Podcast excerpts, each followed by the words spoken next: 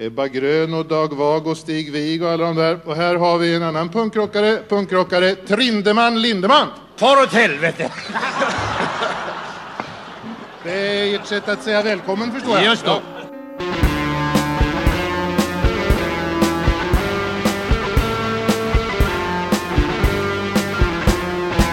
Hej och välkomna till Demonpodden. Podden där vi nu för tiden snackar om kvinnliga filmskapare.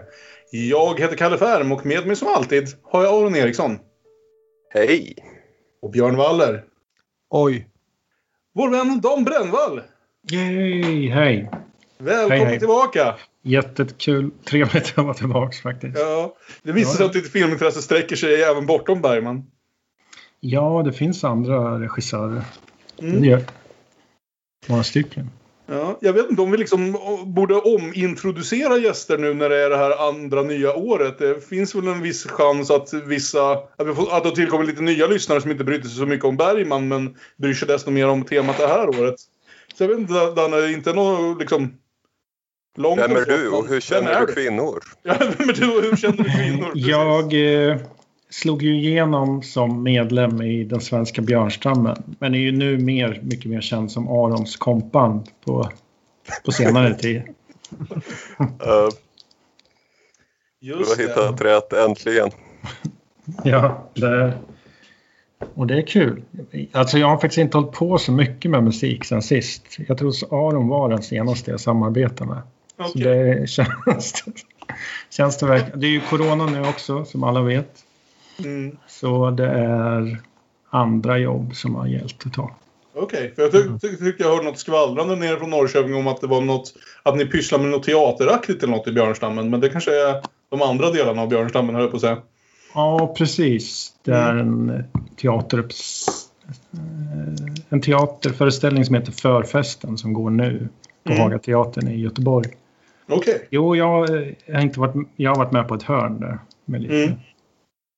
Okej. ljudeffekter. Jättekul att ha dig tillbaka i alla fall. För vi är ju här ikväll för att prata om punk. Punkfilm, eller mer närmare exakt amerikansk punkfilm från det tidiga 80-talet. Nämligen Susan Seidelmans Smithereens från 1982 och Penelope Sveris Suburbia från 1983. Som kanske ändå måste jag säga, jag hade inte sett någon av dem tidigare, som kanske de två mest snarlika filmerna som vi faktiskt har parat ihop så här. De var, hade en hel del med varandra att göra får man ju lov att säga. Ja, Ja, Ja, de, Har de, rätt är ju, de är ju liksom i dialog med varandra. Mm. Det tyckte jag var lite spännande måste jag säga. Jag tyckte det var en, var, var en spännande filmtittarhelg det här att få ta del av de här. För de- de är ju en, i alla fall båda två, vad ska man säga, en viss typ av amerikansk lågbudgetfilm som känns som att eh, den kanske framförallt långsamt växte fram under 70-talet men sen började ta sig lite andra former här under 80-talet och båda de här skulle jag vilja säga är lite exempel på det. Men jag vet inte, ska vi börja med den första, den tidigare av de två filmerna? Tidigare i och för sig med bara typ sådär 12 månader, men ändå. Eh, Susan Seidelmans Smithereens. Och jag ska också säga, om jag slänger in en rolig anekdot här och där, att jag såg den här på Criterion Channel och där låg även en 40 minuters intervju med Seidelman som jag hann se 26 minuter av. Eh, så jag har fått lite mer koll på liksom bakgrunden till filmen och så vidare. jag Men- har även lyssnat på kommentarspår. Så även jag är förberedd med anekdoter. Härligt! Men- Men då kan ju någon av er börja med att berätta lite mer om Susan Seidelman då. Ja! Susan Seidelman Eh, är en filmskapare och hennes mest berömda film som kom direkt efter den här, för det här är hennes debutfilm, eh, heter väl på svenska vill jag säga Susan, var är du? Eh, och handlar inte om henne själv. Eh, men det är en sån här film som jag vet dök upp ganska ofta på tv under 90-talet. Som jag vet att ganska många var förtjusta i. Jag vet att min fru Anna är väldigt förtjust i den filmen. Med Rosanna Arquette och Madonna. Och sen så vill jag säga att den andra filmen av henne som jag har sett ett par gånger kom några år senare än det. På slutet av 80-talet och hette She Devil med Roseanne Barr och Meryl Streep. Och det är en sån film som jag inte har sett på så länge att jag tänker inte liksom ge något som helst kvalitetsomdöme på den. Men den finns. Och den var ganska berömd i alla fall vid tillfället. Ja. Hon har också Och hon har- regisserat pilotavsnittet av Sex and the City. Bara en Ja. sån sak. Det var ju verkligen en sån här grej som jag tror vi tappade någonstans men som var väldigt mycket under 90 och 00-talet i alla fall att när du gjorde en ny tv-pilot skulle du se till att få in en regissör som faktiskt hade gjort faktiska långfilmer och hade lite cred. Och sen så hade den personen oftare än inte ingenting alls att göra med resten av serien efteråt. Utan det var mest för att få in någon som eh, publiken kanske kände igen för att, för att ge lite cred till liksom när en serie skulle startas upp. Och i Sex and the Men Citys sa- fall var det Seidelman. Men Seidelman gjorde ju faktiskt ganska stora delar av säsong 1 av Sex and the City tror jag. Så Jo, hon släppte det inte fullständigt där i alla fall. Nej, Men mer, mer om Sex and the City om en stund. ja precis. Sex and the City-podden för säsong 3. Och det här eh, Smithereens är alltså hennes första långfilm. Japp. När hon var klar med filmskolan i New York så samlade hon sina vänner, samlade alla pengar hon kunde få tag på och ja, då knoppa ihop en film helt enkelt. Mm.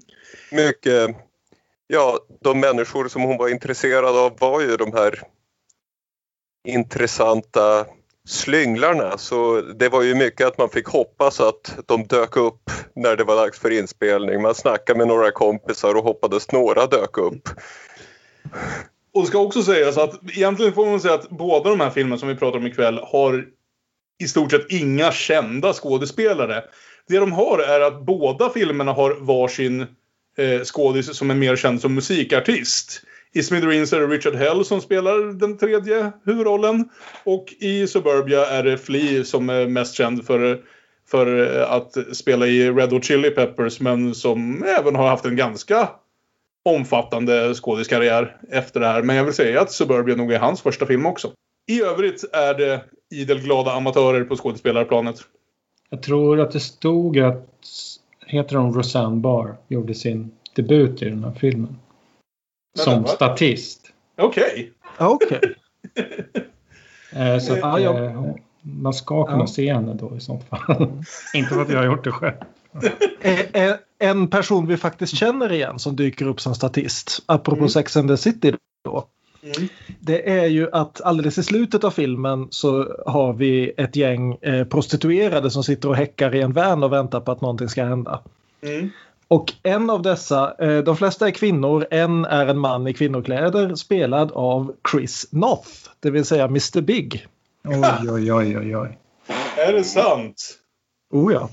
Jajamän. Han är, han är med i filmen i typ tre sekunder och har inga repliker, men han Ja. är där. Där är han. Ja, och... Eh, Genombrott. det ska väl också sägas att den här filmen har liksom lite av sin image, lite av sitt rykte just för att vara någon slags del av punkkulturen som ju växte upp ja, mycket kring eh, liksom New York på det tidiga 80-talet. Och eh, det var lite mer av en slump, för som det låter på Seidelman när hon beskriver det så är det så här att hon visste alltid att hon ville göra ett drama om en ung fattig kvinna som drog runt på liksom New Yorks gator. Men att det skulle utspelas just i punkmiljö kom helt enkelt av den anledningen att hon lärde känna Richard Hell och gav honom rollen. Och då också gjorde honom till eh, musikartist i filmen snarare än bara någon slags ja, artist med stort A. Det var till och med så slumpartat att de började inspelningen med en annan skådis i rollen som Eric som var mer av en eh, konstnär målade. Mm. Men huvudpersonen gick och bröt foten under inspelningen. Mm. Så de fick ta ett halvårs paus. Och ja, folk var inte helt bofasta i den där eh, kulturen. Så det var dags att byta skådis. En annan var tillgänglig. Richard Hell. Så Ja, och Richard Hell skriver ju faktiskt om det här lite kort i sina memoarer som kom ut här om året. Vill ni att jag ska läsa? Ja, tack. The following year I acted in the movie Smithereens directed by Susan Seidelman. I had my methadone from Fernando and I kept it to a minimum so for practical purposes I was competent and reliable, parentes, with a few blips, slutparentes.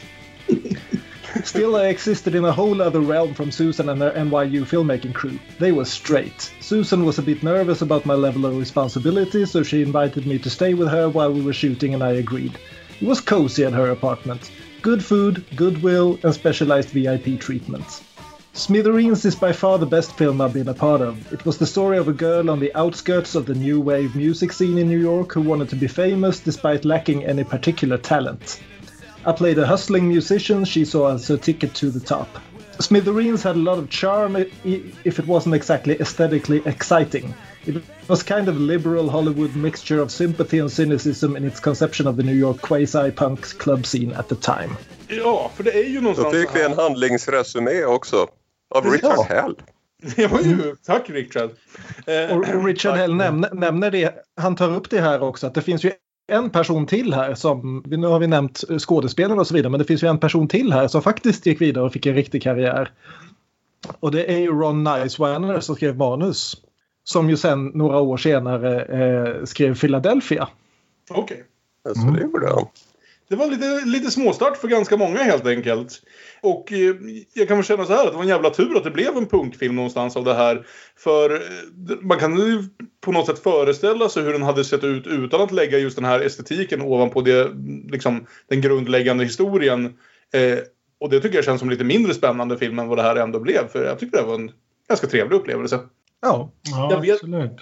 Ja, jag vet att jag pratade, jag tror det var när jag och Aron satt och pratade om de här kortfilmerna som eh, Nelly Killian hade samlat ihop. Att vi pratade om filmen Clotheslines och just hur mycket jag uppskattade alla de här, vad ska man säga, liksom dokumentära bilderna av New York från olika skeenden och olika tidsepoker. Eh, och det är ju något med bara just det här.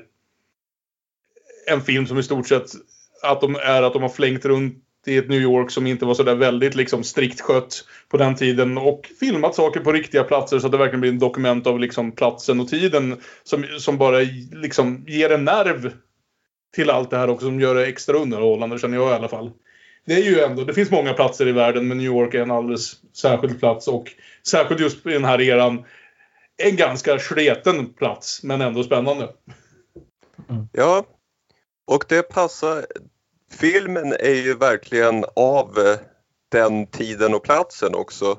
Dels att den dokumenterar det men också att den själv är lite sleten, lågbudget, shoot from the hip men med en viss elegans. Mm. Eh, väldigt tilldragande. Ja men för jag tycker att den är väldigt snygg på något sätt. Det är någonting mm. som är väldigt proffsigt med den. Alltså någon, det är mycket talang någonstans helt enkelt. Jag känner lite så här kanske med båda filmerna. Med, att med undantag för, för, för hon som spelar huvudrollen i Smithereens, Susan Berman. Så är väl lite min känsla av båda de här att talangen finns inte framför kameran utan bakom kameran i många av de här fallen. eh, för det finns både mer, mer eller mindre tveksamma skådespelarinsatser i båda de här filmerna. Bortsett från, ska vi säga, Susan Berman som då spelar vår, huvudrolls, vår huvudroll, Ren. Som jag tycker är riktigt bra och eh, en sån här rollfigur, eh, säger Seidelman själv också, som många kan finna enerverande och frustrerande Eh, men som förmodligen hade varit helt olidlig om hon ändå inte hade spelat som en så pass liksom, karismatisk och duktig skådis någonstans. Mm. Nej, det lyckas det, det, ju verkligen med det här att göra ett älskvärt rövhål. Ja. Exakt. Mm. Charmig, charmig slingel. Ja, Man kan kalla henne för apunk, tycker jag. Mm. För att ja. och det, det, är lite tragiskt att Burmans totala IMDB-filmografi har åtta roller som eh, skådespelare. Bland annat Bikini Girl Number One, Singing Widow och Voice Uncredited. jag antar att hon måste vad heter det, syssla med något annat. Det kanske kommer i slutet av intervjun. För hon dök också upp i den här intervjun. Så hon finns fortfarande. Hon verkar fortfarande pigg och glad och levande. Och inte som att hon har liksom några dåliga minnen av den här eran. Eh, hon kanske bara valde att gå en annan väg. Hon gjorde, hon gjorde en Jörgen. Men jag tänker just det här att den eh, att filmen ser sliten ut. Det är ju någonstans hela tanken också. Att den utspelar sig ju liksom efter punkvågen. Och det är liksom ett New York där någonting har varit och dragit vidare och det enda som finns kvar är spillrorna. Liksom punken har kommit och gått. Slisen har kommit och gått. Alla de här liksom klassiska 70-talsfilmerna från liksom eh, Scorsese ner till liksom Joel Reed och Abel Ferrara har kommit och gått. Och eh, hon är för sen och de enda hon stöter på på scenen som fortfarande är, eh, har någon talang det var de som hade alldeles för lite talang för att fortsätta vidareutveckla sig och bara blev kvar där de är. Vilket väl inte är ett helt korrekt porträtt av New York 1982. Jag menar vi snackar det är ändå liksom No Wave-vågen och det är Basquiat och det är början på hiphop och det är liksom New York var inte direkt någon öken i början av 80-talet kulturellt sett. Men uppenbarligen för dem inom det här facket så kändes det så i alla fall. Ja, det är ju inte toppskiktet av kulturlivet. Det är inte mycket champagne bland de här människorna. Mm. Ja, det är det enda jag saknar med den här filmen. Att hon skulle, det här är ingen spoiler för det är inte med, att hon skulle börja med hiphop på slutet.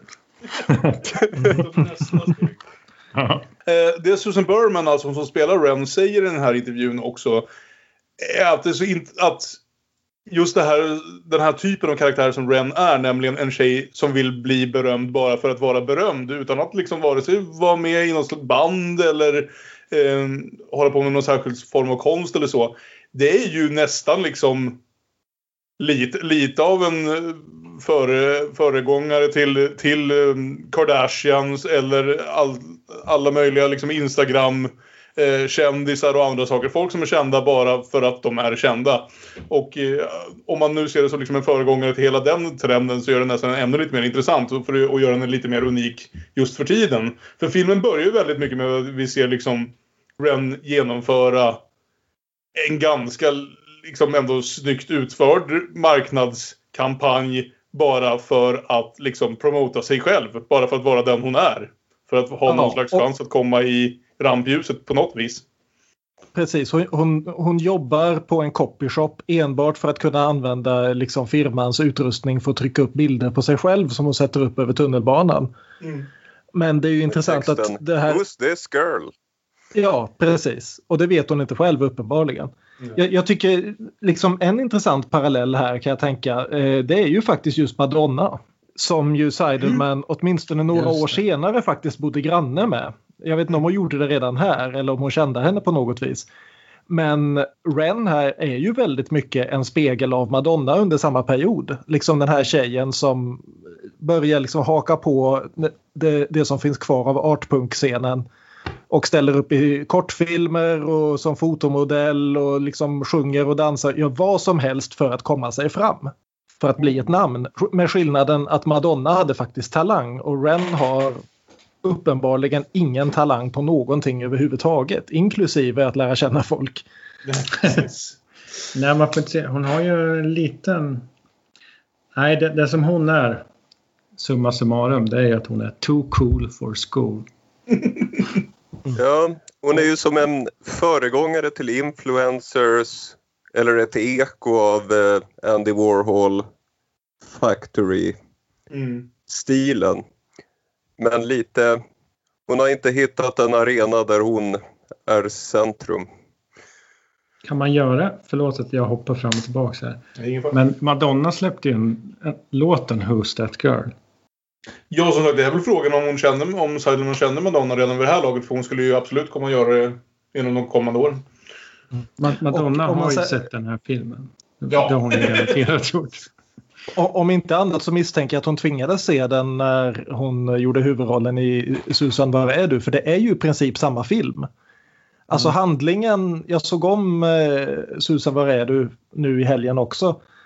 Och det är ju slående hur lik handlingen är, bara med skillnaden att i, i uh, Susan Varedu spelas det som en ja, mer eller mindre romantisk komedi och vi slänger in ytterligare en huvudkaraktär i form av då Rosanna Arquettes person som hakar på den här Madonna slash Ren hustlern och tycker hon är så jävla cool och vill vara som henne. Skillnaden är att 1985 så har Madonna gjort New York-artpunken cool igen och då går det att göra henne till en förebild och något att uppnå snarare än en galen outsider. Men i den här filmen finns inte den vinkeln, vilket jag tycker gör en starkare, om än inte lika dynamisk film. Mm. Uh, I och med att det, det, det, blir lite mer på allvar här. Det, Susan Varedu är komedivarianten av den här filmen. Mm. Och blockbuster. Jo, hon säger det på kommentarsspåret att efter att ha gjort den här filmen och ändå fått lite uppmärksamhet så väntade hon ett tag. Hon fick ju många erbjudanden då men hon ville vänta till det kom något material som passade henne. Hon hade sett regissörer framförallt kvinnliga regissörer som gjort en indie-hit, sen gjort sin Hollywoodfilm och den var skit och sen inte gjort mer. Så hon ville vänta tills det kom rätt sak och när Susan, var är du?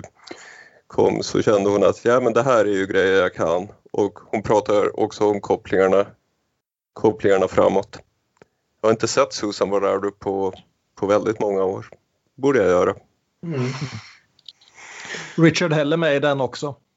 Han, han är yrvaken i en scen och sen så dör han off-screen och är på ett, ett, ett eh, tidningsfoto jag insåg också det här att vi hoppade in i Richard Hell eh, och började prata om Richard Hell som om Richard Hell är en, en lika känd människa som Madonna.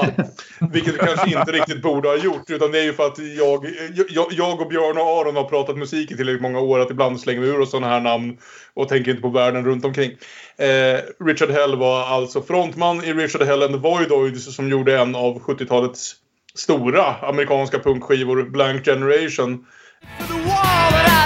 I belong to the blank generation and I can take it or leave it each time. Well, I belong to the generation but I can take it or leave it each time.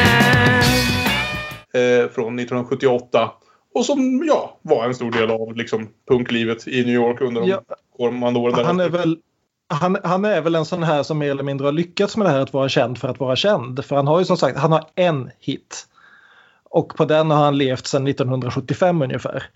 eh, och han får ju ofta cred för det här att han mer eller mindre uppfann punkstilen därför att han började dyka upp till spelningar i sönderslitna t-shirts och kläder hoplappade med säkerhetsnålar och allt möjligt. Helt enkelt därför att han var så jävla fattig så han sov på folks soffor och ägde bara de kläder han sov i. Mm. Richard Hell som fick sparken ur Television, fick sparken ur Heartbreakers. Starta ett eget band för att inte kunna få sparken. Och sen stal Lou Reed hans gitarrist.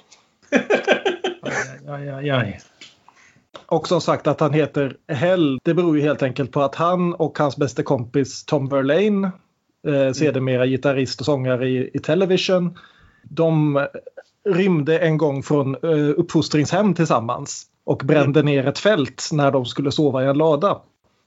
Så när, de, när polisen grep dem och frågade varför brände ni ner ett fält för? Så sa Tom att jag frös, jag ville bara vara varm. Och han tog så då senare namnet Verlaine efter en fransk 1800-talspoet. Eh, Richard Myers som sedermera tog sig artistnamnet Hell. Han sa jag ville se det brinna. Jag tänkte på det när hans första scen när han introducerades att han nog lekte lite med eld. Mm. Sin tändare eller tändstickor eller vad det var. Mm. Jo, du har ju också en scen där Ren håller på att bränna ner hela hans lägenhet för att hon... Ja, nu tar vi alltid helt ja. fel ordning här. Jajamän, men jag, vad fan, det kanske blir lite mer Men, men det, det, är ju, det är ju inte sådär väldigt handlingsbunden film här. Vi kan Nej, säga att det finns, det finns en huvudperson till då utöver Ren och Eric som då Richard Hells karaktär heter. Och det är ju då Paul spelad av eh, Brad Rain. Mm som har om något en ännu kortare IMDB-sammanfattning än Susan Berman. Han spelar, eh, i en av mina favoritfilmer faktiskt, så spelar han en eh, supermarket clerk i The Stuff från 1985. Mm. Mm. Ja, nej, och han är väl också lite som med unga, många av dem vi kommer att se sen i Suburbia kanske inte den mest imponerande delen av den här skådespelarensemblen. Jag tycker Susan Berman är riktigt bra i den här filmen. Jag tycker Richard Hell i alla fall för med sig hela sin Richard Hell-attityd in i rollen. Även om sen vissa repliker kanske är lite krångliga för honom. Men, men uh, Brad Rinn här är lite av ett bragdkort. Lite av bara ja. den andra killen som ska, vara, som, som ska vara snällare och den goda snubben att sätta bredvid Richard, Richard Hells betydligt mer spännande Eric. Men, men, det hör ju lite grann till också för Paul mm. är ju då liksom en, ja han kommer från Montana, han har tagit sin eh, high school van mm. hela vägen till New York och tänkte stanna där så länge och han sover på en rivningstomt där det pågår prostitution hela tiden. Mm. Så han, han är inte riktigt den coolaste killen på, på blocket liksom. Nej. Jag tycker det är välkostat och coolaste killen på blocket. Säg, mm. Klart vi säger så. men han, är, han är inte så punk. Men han kanske är mer shoegaze egentligen. ja, men han är lite Christian Bale Velvet Goldman. Vill så gärna men kan inte riktigt. Han har no. inte den där X-faktorn. Något som jag tycker gäller båda de här filmerna och som liksom kanske kommer lite om man tittar tillbaka till någon slags neorealistisk trend av liksom tragiska filmer om folk som är fattiga och har det svårt och bara behöver leva igenom en dag till. Det är ju att om man läser om dem tror jag att de båda två skulle kunna verka ganska liksom deprimerande, tragiska upplevelser. Jag tycker båda det här är ganska kul filmer och kanske framförallt mm. Smithereens. Som eh, visst att den handlar om liksom en tjej som bråkar med alla och som är fattig och som knappt tar sig igenom och verkligen liksom hankar sig fram dag för dag på att försöka göra så lite som möjligt. Men det är en ganska kul upplevelse ändå. I, alla, liksom I både dialogen, i, i miljön och i situationen den sätter upp. Den märks ju ändå att den är inte den här typen av amerikansk independent som liksom låter folk, eh, vad heter det, hitta på sina egna repliker och annat efter liksom någon slags eh, bara upp, vad ska man säga, efter, efter några slags stolpar för handlingen. Utan det är väldigt tydligt en skriven film med en hel del liksom bra dialog och, och så. Och eh, jag tycker det här är en ganska kul upplevelse och jag tycker att om man inte visste riktigt vilken ton den skulle ha innan så märks det ju när eh, Paul heter han och Ren går på sin första dejt och går på skräckfilm. Ja, som återigen ser ut att vara någon sorts pastisch på en Abel Ferrara-film från typ 77 eller någonting. Mm. Det är såna här riktigt usla specialeffekter, mycket blod och eh, mycket sexuellt våld och så vidare. Och det, det, är återigen en sån här grej som återkommer överallt i... För det, jag menar det är, Även om det här är en film som ser billig ut och ja den är billig också och inte har någon liksom större djup i karaktärerna hela tiden så smyger Seidelman hela tiden in alla de här små bilderna av det liksom legendariska New York. Det här som de har missat. Det här som Paul kom till, både Paul och Ren, för vi får reda på att hon kommer hela vägen från New Jersey och aldrig vill tillbaka dit igen. eh, kom dit för att hitta men som liksom nu har dragit vidare någon annanstans. Och just den här liksom klassiska slisiga New York 70-talet som de, som de nu sitter i New York och ser på bioduken. Det, mm. det, det är snyggt gjort tycker jag. Mm. Det Kalle sa om manuset tidigare att det, det är lite bättre än eh, Ja, det, det är ett gäng kompisar som gör den här filmen och ingen får betalt och så. Men hon eh, anställde två manusförfattare att skriva filmen. Hon hade idéerna men kände jag är inte mycket av en manusförfattare. Då kallade hon in andra människor som gjorde det. Så, så det, hon har ansträngt sig för att få ihop det här, Seidelman. Mm. Väldigt angenäm film. Jag tycker jättemycket om den ärligt talat. Ja, nej, jag tycker, det, jag tycker det märks väldigt tydligt. Om det är något som, som det här liksom visar på så är det ju att en lågbudgetfilm är inte samma sak som ett havsverk utan den verkar ytterst planerad och genomtänkt och liksom som att den vet vad den vill. Och jag tycker ändå liksom att även om som sagt, det är inte så att någon förutom våra tre huvudpersoner får något djup egentligen. Men jag gillar liksom hur pass mycket fokus alla de här små sidokaraktärerna som dyker upp får i filmen. Vi har, vi har den här väldigt stenade eh, prostituerade som plötsligt ja, bara dyker upp och sätter sig i Pauls van medan han sitter där och fryser. Mm och för, först försöker sälja till honom och han, nej men jag vill, nej, nej och han är jätteblyg och han är jätteförsagd och han vet inte riktigt hur han ska förhålla sig i det här läget. Han, han tycker det känns oartigt att tacka nej. och, då, och de har sån här rikt, det är, liksom, det är så jävla fin scen, två människor som inte alls förstår varandra men ändå pratar i fem minuter. Mm. You hungry? No, I don't want to eat your dinner. You let me use your truck? Go ahead. I got an egg in here anyway. It's chicken salad with mayonnaise on it. My mother made it. I visited my mother the other day. Boy, was that a trip. She's sweet, but I think she's getting a little senile. How's the sandwich? It's good. And what do you do? Portraits. I draw portraits. Oh. I'm not an artist or anything, really. I just do it for the money. Yeah, well, don't we all?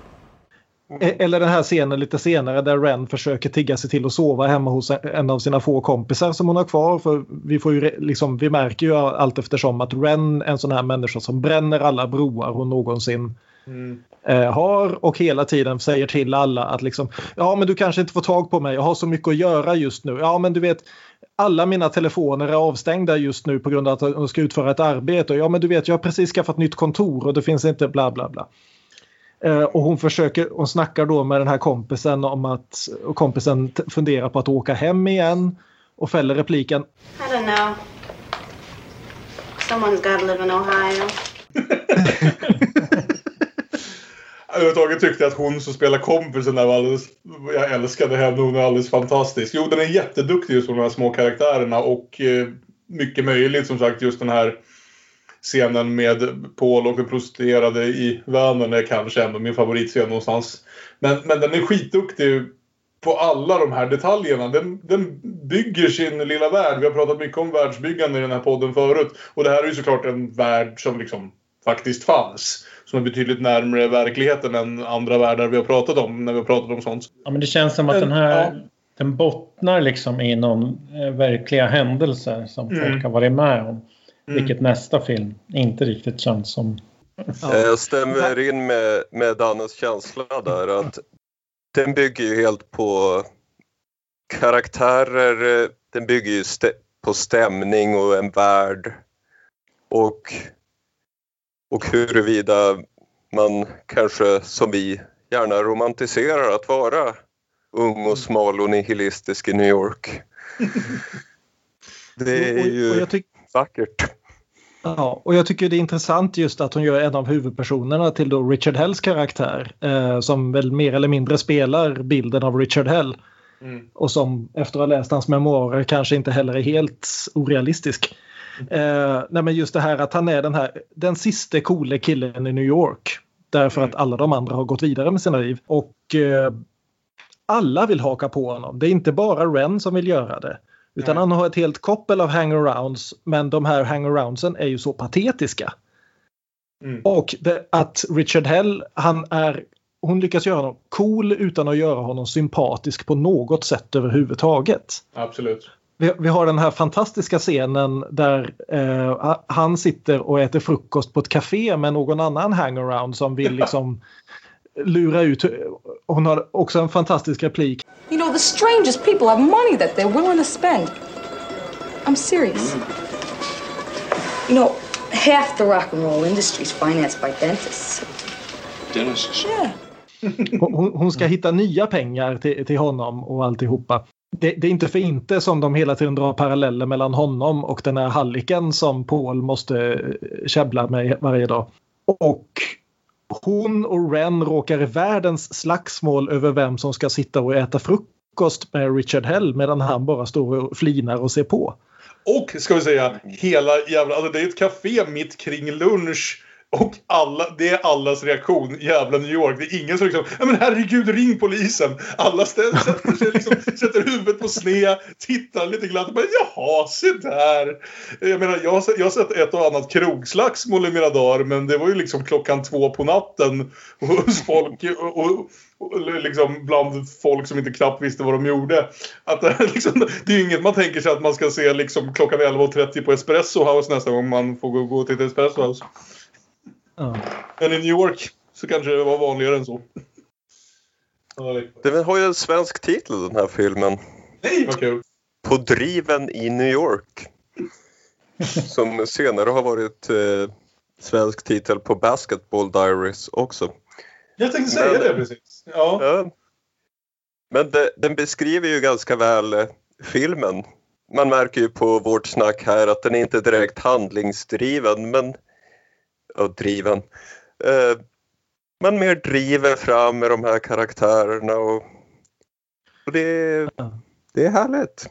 Den gör det väldigt bra. Jag tycker det är en för enkel analys att Ren bara inte har hittat nog med kärlek i sitt liv. Det tycker jag låter ganska, eh, vad heter det, som en förenklad variant av vad den här karaktären handlar om.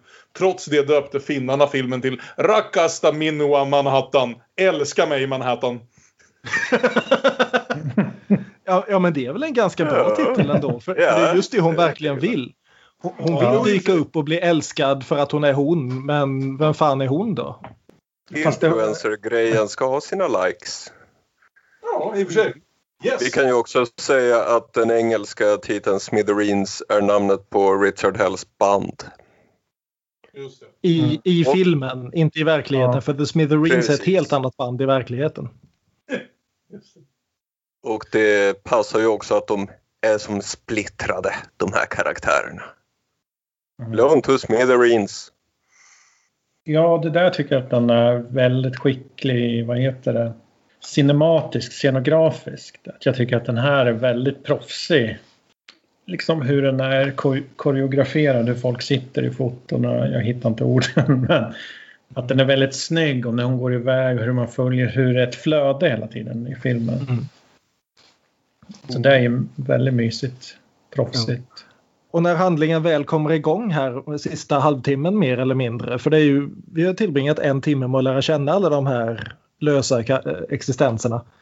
Eh, Richard Hells karaktär har snackat om det här hela tiden att då får vi bara ihop lite pengar så ska vi dra till LA och ha så många kontakter i LA. Han hade ju hamnat rakt i nästa film då kan man tänka. Och antyder att det är upp till henne att fixa ihop de pengarna. Vilket då slutar med att först så eh, hjälper de åt, hjälps de åt att höstla en eh, väldigt vilsen affärsman som är i New York. I en eh, ganska sorglig men ändå rätt rolig scen där de då Ja, rånar honom i ett taxibaksäte. Och rånar honom på klocka och på plånbok och han ber att få behålla vigselringen och då säger de okej då tar vi dina byxor istället. Anekdot om denna scen. Då- Den är inspelad i en riktig taxibil. Och eh, produktionsmänniskans jobb den dagen var att hitta en taxichaufför som tillät att de spelade in film där en timme. Ja. Ja, Ingen lånar ju ut sin taxi till de här eh, ligisterna så det är taxichauffören själv som sitter och kör. Och Japp. eh, Susan Seidelman sitter i framsätet och någon ljudkille ligger på golvet där i baksätet framför de tre skådisarna. Ja, och som sagt, jag började undra lite precis hur taxichauffören upplevde det som hände i baksätet under hela den här scenen. Om det bara är sånt, återigen, sånt som händer i New York 1981. Fuck Liksom. New York. Men, men då får vi det här liksom att ja, när Eric då väl har fått de här pengarna och av, avtalar liksom att ja men vi ses här imorgon så åker vi till LA tillsammans. Och Ren åker tillbaka till Paul som fortfarande bor i sin van på den här rivningstomten och förklarar att nu ska jag åka. Ja, du följer med mig till New Hampshire. Nej, nej, nej, jag ska till LA. Mm. Och han blir så hjärtekrossad men det kan han ärligt talat ha. Han är rätt mesig. Ja. Och hon, hon är fäller den fantastiska replik, repliken New Hampshire, I don't even like trees. och när hon kommer tillbaka till Erics lägenhet så har han redan åkt och den enda som är kvar där är den här blondinen som har hängt i hans lägenhet och som nu visar sig är hans fru. Precis. Ja, det är mycket härligt som händer. För alltså, visst, det är en film som ganska länge är ganska liksom plottlös. Men vad den Ja. är är ju framförallt liksom ett ganska fokuserat karaktärsporträtt av Ren. Vi har pratat, känns det Ja. lite som, om det nästan som att det låter som att den handlar i samma utsträckning om Eric, Paul och Ren. Men det är ju Rens film på alla sätt och vis. Ja. Det är, Absolut. och, eh, Och, och, eh, ja, och Seidelman gör ju en väldigt snygg grej här. Att hon liksom går tillbaka och börjar repetera alla de här grejerna vi såg Ren göra i början av filmen. Men nu mycket mer desperat. För nu har hon verkligen bränt precis alla skepp överhuvudtaget. Hon har gjort slut med Paul, hon har gjort slut med alla sina kompisar, hon har bränt allt, tagit ut alla pengar hon har för att hänga med till LA och nu har hon inga pengar, ingenstans att sova, ingenting. Så hon blir fullkomligt desperat. Vi får den här enormt tragikomiska scenen där hon då tränger sig in på The Peppermint Lounge, rusar fram till en musiker med, med vakten i hälarna och säger can I, can I stay with you? Och han säger No. Och hon blir utkastad. Mm. Och man känner verkligen med henne trots att hon Exakt. inte är världens snällaste. Det är ju det som är trolleritricket i den här filmen. Om, om vi liksom hade tappat alla sympatier för Ren, för hon kan ju liksom definitivt vara ganska otilltalande i personligheten så hade vi tappat sympatierna för henne på något sätt. Antingen genom att liksom ett sämre skrivet manus eller sämre skådespel. Så hade ju det här skitit fullständigt. Jag undrar också om det har någonting att göra med att vi nu är medelålders. Ser man på den här unga människan och tänker Ja gud, så där var man. Så var det. Det här går direkt Jag relaterar stenhårt till Ren. Du gör det? Alla misstag jag någonsin gjort. Mm. Ja, jag vet hur det är Ren. Det är inte lätt att vara full.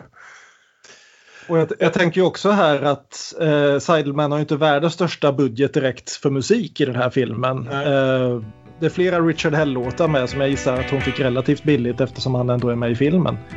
Men just här där hon blir utkastad från The Peppermint Lounge så drar hon då upp eh, Loveless Love med The Feelies. Och det perfekta soundtracket till just den här scenen. Liksom den här gitarrlåten som bara bygger och bygger och bygger medan hon driver runt och inte hittar någonstans alls att ta vägen längre. Det är väl liksom ja, hon, fick ganska mycket, hon fick ganska mycket musik av Feelies. De verkade komma väl överens. John Cale var också påtänkt att göra musiken men han dök inte upp när han skulle dyka upp och sådana saker. Lite opålitlig kille John Cale. Breaking. Äh, överhuvudtaget, vilket är liksom det minsta man kan vänta sig av, av um, filmer som utspelar sig i punk punkvärlden kring den här tiden, så är ju soundtracken liksom väldigt bra i båda två. Och jag sitter och njuter av musiken ganska mycket rätt genom båda de här filmerna ska jag säga. Eh, men kanske all, framförallt just i Smithereens görs nästan ännu mer av just hur väl det faktiskt matchar scenen och fungerar som mer klassisk liksom, filmmusik. Både, både som punk och som filmmusik så att säga. Det märks ju att, ja som sagt Richard Hell pratade ju om en NYU Film Crew och det märks ju att det är filmstudenter hela gänget här. Mm. Men det är sällan de låter det skina igenom speciellt mycket tycker jag utan filmen känns sådär lagom återhållen för att man ska köpa ett lite grann amatörverk men utan att det känns amatörmässigt. Nej, men jag tänkte vi har ju den här absoluta slutscenen då. Eh, som ju är lånad rakt av från Truffaut men inte känns som det. Där hon då liksom går med allt hon äger och har i två kassar och en, en bärbar tv längs, jag vet inte om det är tillbaka till New Jersey hon är på väg eller vad. Och en kille i cabriolet saktar ner och börjar tjata. Ja men du, kliv in i bilen, kliv in i bilen. Jag har gott om pengar. Det, jag, är ingen, jag är en snäll kille. Kom igen, kom igen nu då. Ska, och så ställer han frågan. Got a better place to spend your time? Och vi ser hur hon börjar vända sig om och där fryser bilden. Mm. Just när hon vänder sig mot kameran. Då är filmen slut. Det är ganska 400-slagen. Exakt. Ja. Den ska vara rakt kopierad från Knights of Cambria. Eller något nej, sånt. Nej, nej, ja, just det. Knights of Cambria. Det är ju faktiskt, kan jag säga som har sett dem allihopa, tror jag, eh, Fellinis bästa film. Och det är också den som Sideman pratar mest om som inspiration i, i vad heter det, den här intervjun jag såg. Eh, jag läste att det skulle vara ett rent citat, men jag har inte sett Nej, ja, fast den stora skillnaden är att, att eh, Nice of Kabiria ger det en lite hoppfullare ton. I att man får se någonstans en massa andra människor i ungefär samma utslagna position. Så även när hon är på botten så är hon inte ensam på botten. Det finns andra människor på botten. Och kanske kan människorna på botten på något sätt klara av det här tillsammans. Är snarare hur Nice of Kabiria vänder det. Så jag ser alltid slutet på, på eller Kabirias nätter ska man säga på svenska. Eh, jag ser alltid slutet på Kabirias nätter som något mer hoppfullt än det här. Även om såklart alltså de, de funkar väldigt väl ihop som ett par. Ren är nog inte intresserad av att beblanda sig med de andra på båten. nej, precis. Hon ska till toppen. Ja, nej, det är väl lite... Det är väl, det är väl lite tveeggat som mycket annat i filmen att det är väl lite så här oj vad tragiskt nu ska karusellen börja igen. Att hon mm. vänder sig och hoppar på det här. Men samtidigt charmigt. Ren, here you go again. Med dina tokiga uppdrag. Jag ser det positivt och negativt. Ja. Nej, men, men det... det är ju väldigt öppet och eh, perfekt så.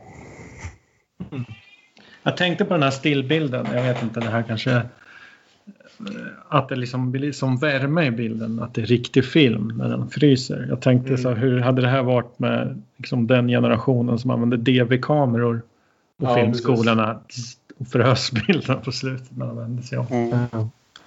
Och dessutom här har- 16 här har vi ju- millimeter. Mm. Ja, Och dessutom precis. 16 millimeter och det ser väldigt, väldigt bra ut. Det är rätt sorts murrighet eller vad man ska säga. Ja, men 16 mm ser väldigt bra ut. Jag är otroligt förtjust i det. Alltså det, det, det, är- det är grynigt. Man ser, det, det liksom ger en effekt snarare än att det liksom ser sjabbigt ut på något sätt. Tycker jag ganska ofta. Precis. I alla fall när det används rätt. Sen kan det användas fel som i Buffy the Vampire Slayer säsong 1. När allting är alldeles för mörkt hela tiden och 16 mm inte riktigt klarar av det. Men Det var, var det första gången du hade någon kritik mot Buffy? Eh, nej, men det är en helt annan podd. jag, jag, liksom, jag, jag är inte kritiklös bara för att jag älskar Buffy mer än någonting annat. Eh, Be critical of the media you love. och det, det är jag. Ja, det, var, det var en glad överraskning. Jag visste inte riktigt vad jag skulle få. Jag var nästan liksom... Jag hade hört talas om den här men inte så mycket vad den handlade om utan mer just runt om att jag visste att det var Seidelman att jag visste att Richard Hell var med.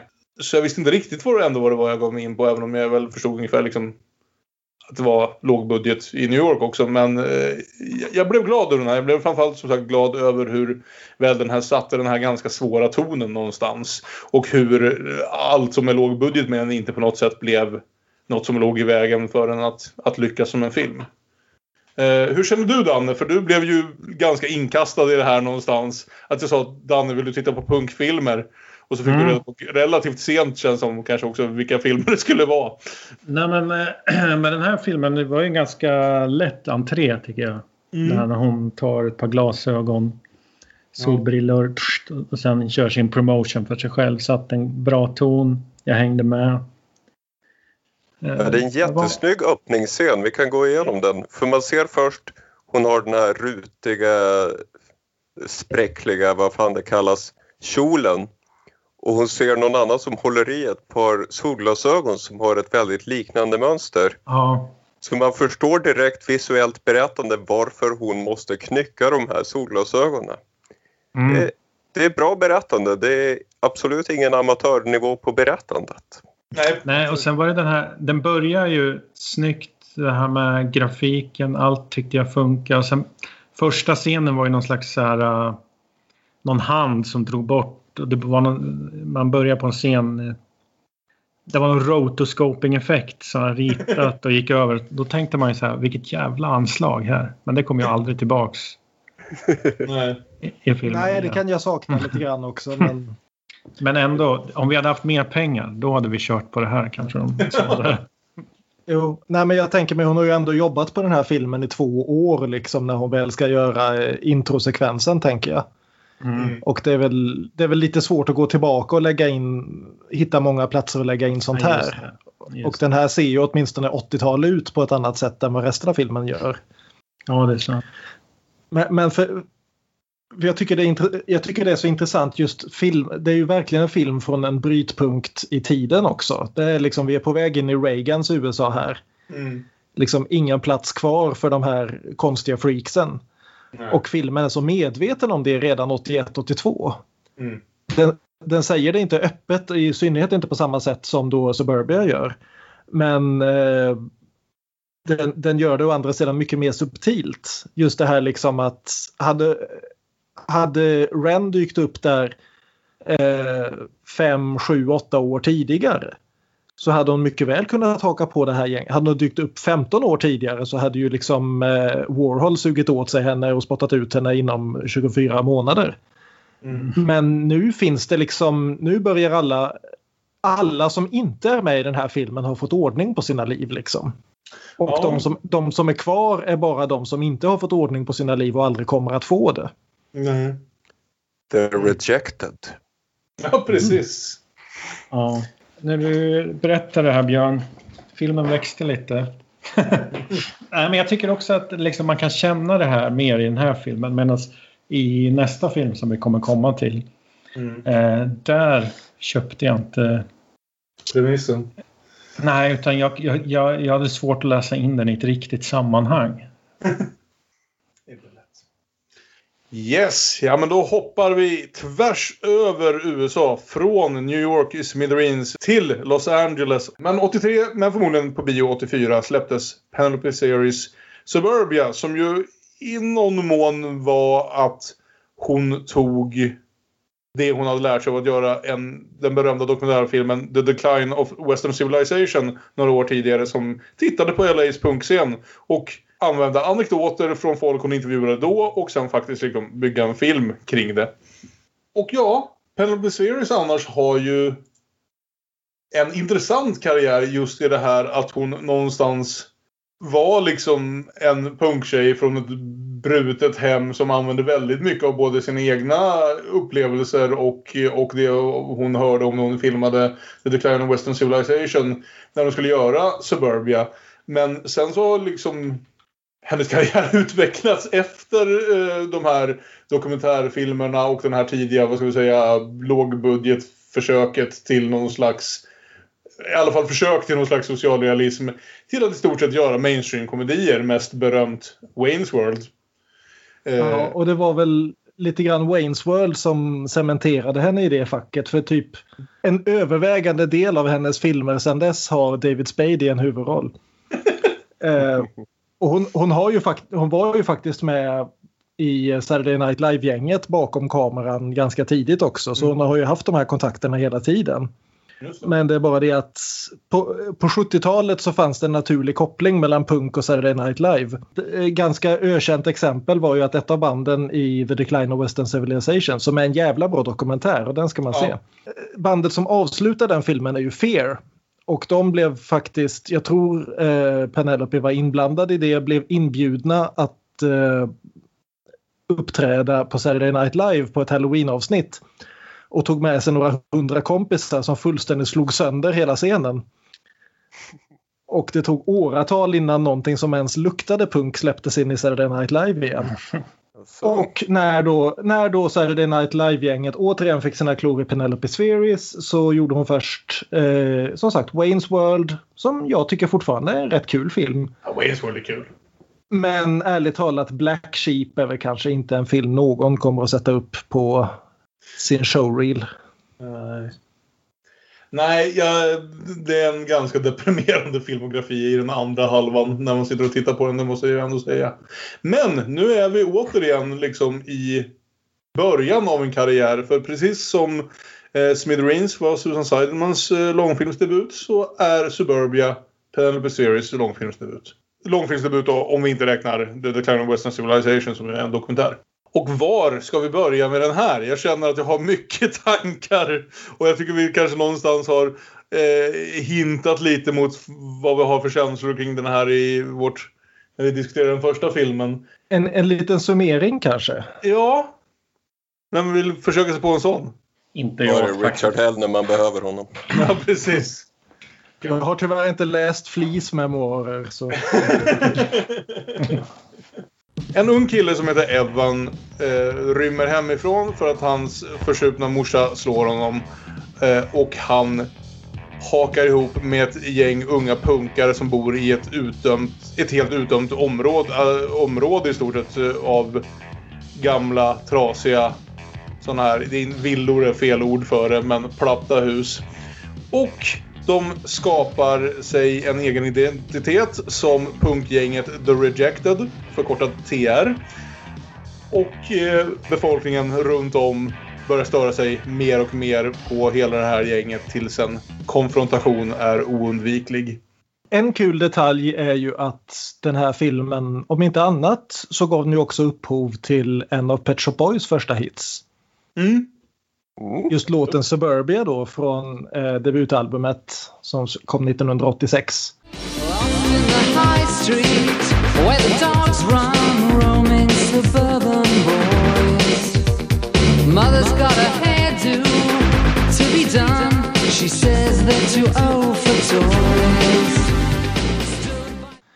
Och eh, är väl egentligen en ganska bra summering av filmen den också.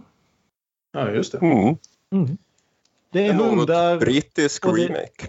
Ja, precis. ja, för det här är ju lite som vi sa i Smithereens också. Väldigt mycket liksom en film gjord på lite pengar och mycket vilja. Och också även här skulle jag väl vilja påstå, för vi kommer ganska snart att dyka upp mot vad jag, i alla fall jag anser är filmens största problem, nämligen det så kallade skådespelet. Att talangen ligger främst bakom kameran kanske mer än framför den. Men ska jag säga, det finns så mycket jävla mm, vilja och eh, alla har så tydligt ganska kul eller liksom det är en jävla massa jävlar anamma i den här filmen som gör att även när det ibland är rätt ut ganska dåligt finner jag ändå ganska charmigt. Ja.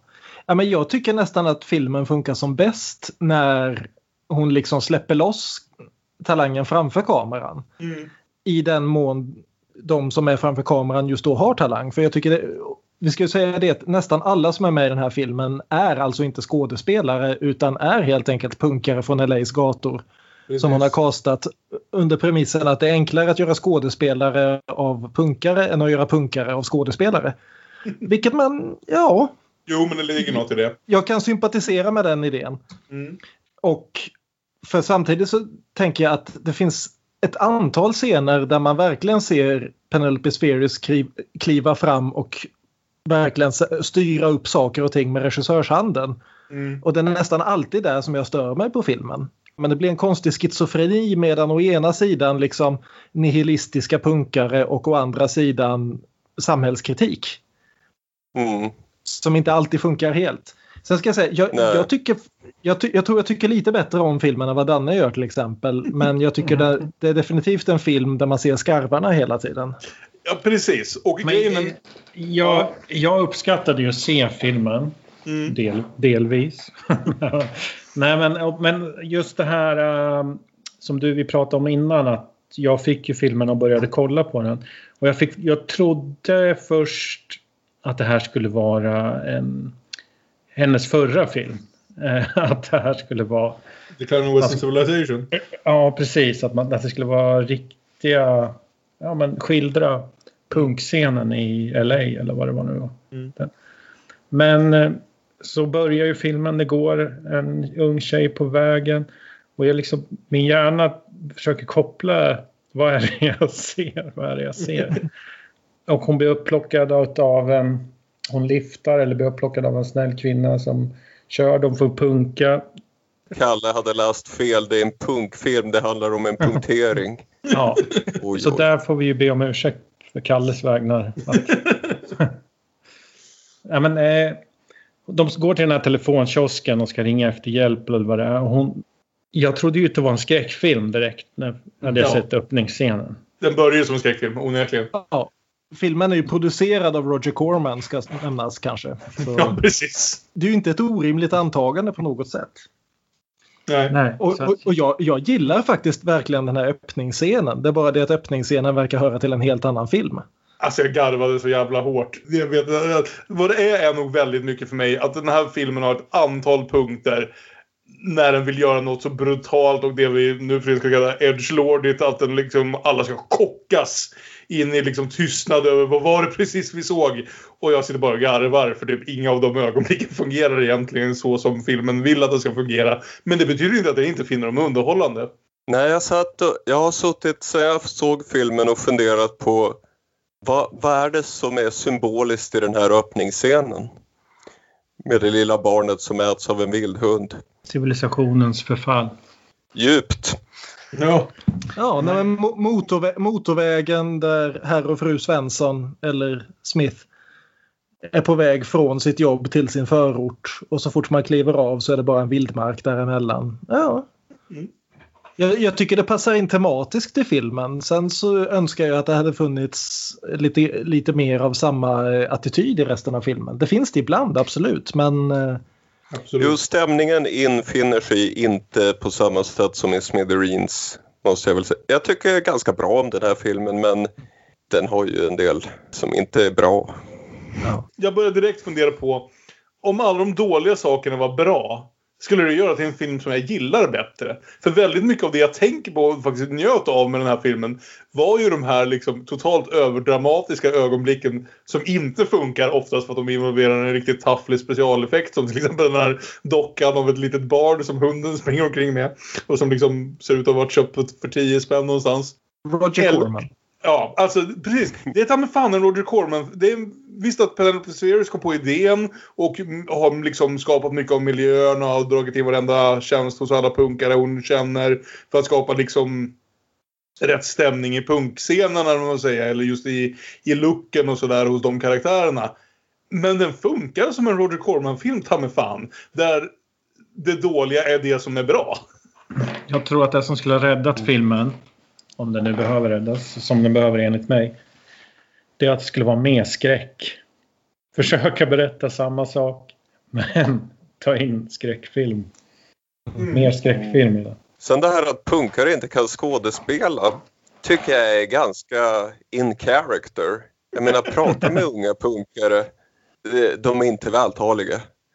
Det låter inte naturligt. Så, så det mesta kunde jag liksom förlåta där som en bakvänd realism. Men eh, jag, jag tycker ändå liksom att filmen, det, det blir en snygg grej det här när vi liksom klipper från den här väldigt Cormanska öppningsscenen till då Evan som blir utjagad ur sitt hem i den här trista försupna förorten. Som är liksom verkligen det här, det, det är ju det här, den här det- och det- bilden som återkommer hela tiden med förorten, eller rättare sagt villaförorten, som det här perfekta amerikanska modellsamhället som sen det byggdes på 60-talet har havererat till ren misär. Alla är försupna, alla hatar sina jobb, alla är frånskilda, alla har sålt sina ideal. Alla stör sig på de här nya ungdomarna som försöker komma in och hävda att det handlar om något annat. Och att vi då klipper från Evan som blir utkastad och hakar på ett gäng punkare rakt in på en konsert med The DI? Ja. Nej, Ja, DI var först. Är det.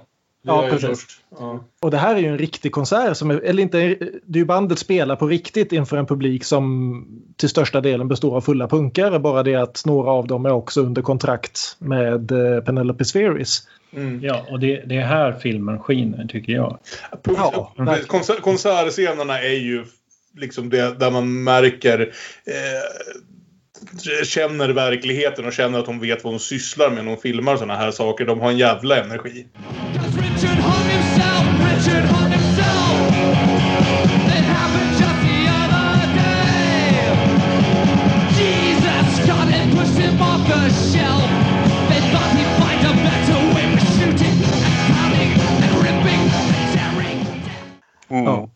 Och just den här typen av energi som eh, fanns där i punken, den här väldigt nihilistiska energin och bandet som försöker come on, have some fucking fun.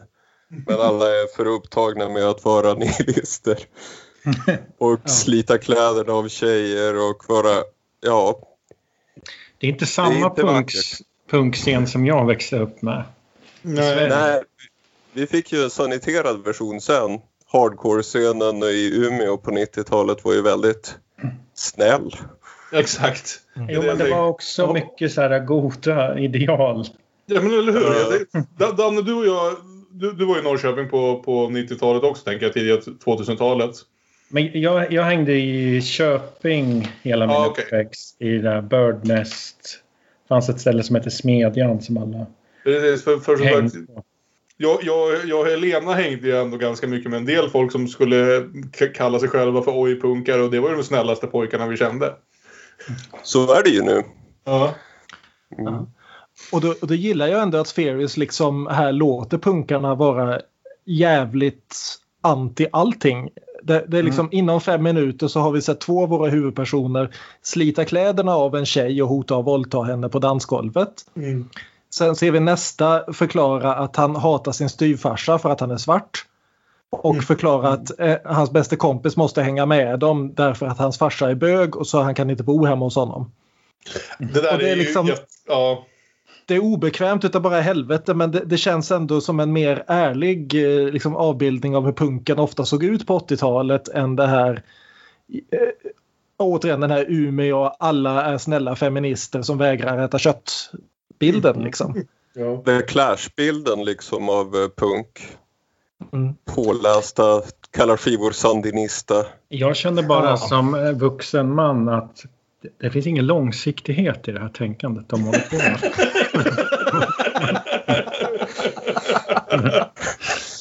Vad händer med hållbar utveckling? Ja, det ligger kanske något i det.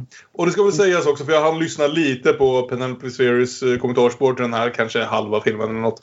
Eh, att den här bakgrunden som Evan får, alltså mamma ett fyllo som gömmer vodka i ugnen och som spöar upp dig om du har snott av den. Eh, det är väldigt mycket Penelope Spheres egen barndom. Och ungefär det som hände henne. Så Evan är ju en sån här klassisk inom citattecken huvudroll i en sån här film som är den som liksom får bevittna allt det här andra för att vi ska ha någon slags liksom knytpunkt. Han är inte så jättemycket av en karaktär i sin egen rätt. Ja, och apropå nihilismen så kan vi nämna också att Flea som ju snart kommer att dyka upp här i en mindre roll. Han har ju också en mindre roll i en annan klassisk film som handlar om nihilism, nämligen The Big Lebowski. Yep. Men för vad heter Evan och hans lillebror i efternamn? Johnson. We will cut off your Johnson. För övrigt måste jag säga att Flea som sagt har ju, är den enda i den här filmen som har gått vidare och faktiskt haft något av en skådiskarriär. Såklart med berömd musikkarriär. Men likväl, och jag tycker han med ganska god marginal är den bästa skådisen i den här filmen också. Han är den enda som faktiskt säljer in sin karaktär. Och det är i och för sig säger inte nödvändigtvis jättemycket för det är den här filmen. Men ändå, jag gillar Flea i den här filmen och vad han faktiskt gör mer än vad många andra gör. Och det finns några i särklass särskilda stolpskott som är hysteriskt roliga på att inte skådespela. Ja, ju- just den här Skinner, han som strippar fy tjejen på dansgolvet. Den skådisen är, han, han förstår inte ens vad konceptet skådespelare är. Han läser upp sina repliker och han ser, är framför kameran medan han gör det. Det är ungefär så långt han är villig att liksom ge efter inför the man. Ja, precis. Men, men för, för sen här i början så dyker ju också, som jag nämnde, liksom det här att man märker när Penelope Spheris, eh, författaren och regissören kliver in i serien. Och det händer ju flera gånger här första halvtimmen. Mm. Det här när då Evan och hans nya kompis Jack ska åka och hämta eh, den tredje kompisen Joe åker igenom en av alla dessa förorter. Och det, och det är liksom, det är ju det här som är poängen med att den utspelar sig i just LA. New York har ett centrum, ett obestridligt centrum som är Manhattan. LA har inget centrum. Det är bara ett gäng småcentrum omgivna av miltals med villaförorter. Mm. Eh, Så de åker liksom genom några av alla de här villaförorterna och har en utläggning. What's that? Uh, my mom's diary. Listen to this. May 10th, 1968. Dear diary. Mark and I are going to be very happy here. Air is clean, skies are blue, and all the houses are brand new and beautiful. They call it suburbia, and that word's perfect because it's a combination of the words suburb and utopia. They didn't realize they'd be the slums of the future. I'm sure with Mark's job at Lockheed, I'll never have to work again. Wish. Oh, and by the way, diary, we want to have a child soon. Suburbia's a great place for children. and if it's a boy, we're gonna name him Evan Mark Johnson. You know, sometimes I wish he would have had an abortion. Jo, vi fattar liksom. Du, behö- du hade inte behövt säga allt det här rakt in i kameran. Och du har också Nej. den här scenen då när de, när de har kommit till det här huset de ockuperar ute i någon övergiven förort och eh, sitter och tittar på tv. Och tvn pratar om liksom Do you feel alienation or depression? Come to Mm. us and we can help you. Och någon av dem anmärker Yeah, I looked that up because 800 dollars per day. Jo, alltså point well made men Ja, det är av lite film. grann. Det är inte en Ja, subtil precis. film någonstans. Jag hittade inte jättemycket roliga anekdoter i Series kommentarspår. Men just det här med att hon faktiskt fick pengarna av, till att göra den av Roger Corman och hans eh, studio. Corman som ju alltså inte jämt gjorde superbra filmer själv, men ett par väldigt bra filmer. Var ju framför allt viktig för filmhistorien i just det här att han hittade unga spännande regissörer och gav dem deras första chans. Eh, väldigt många liksom, av våra största regissörer som kom upp via Roger Corman. Och han sa det så här. Du får göra precis den filmen du vill.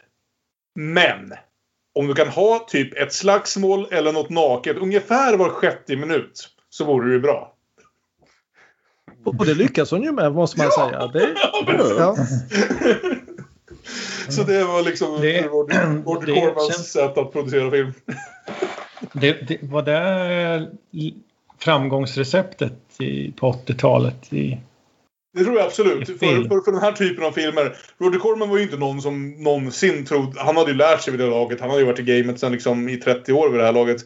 Att eh, ha- han såg inte framför sig några världssuccéer på något sätt.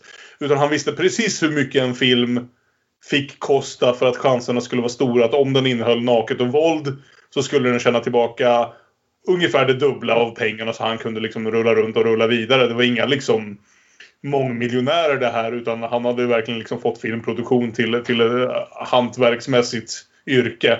Han visste alltså var något slags sånt där producentmässigt eh, geni som visste precis hur mycket pengar som behövdes för att få ut hur mycket pengar tillbaka liksom. Och eh, det är ju en sån här sak som alltid sägs om Roger Corman. Jag vet inte hur sant det är men det är tydligen tillräckligt sant för att folk ska fortsätta säga det. Att han har ju aldrig gått över budget på någon film han vare sig regisserat eller producerat. Nej.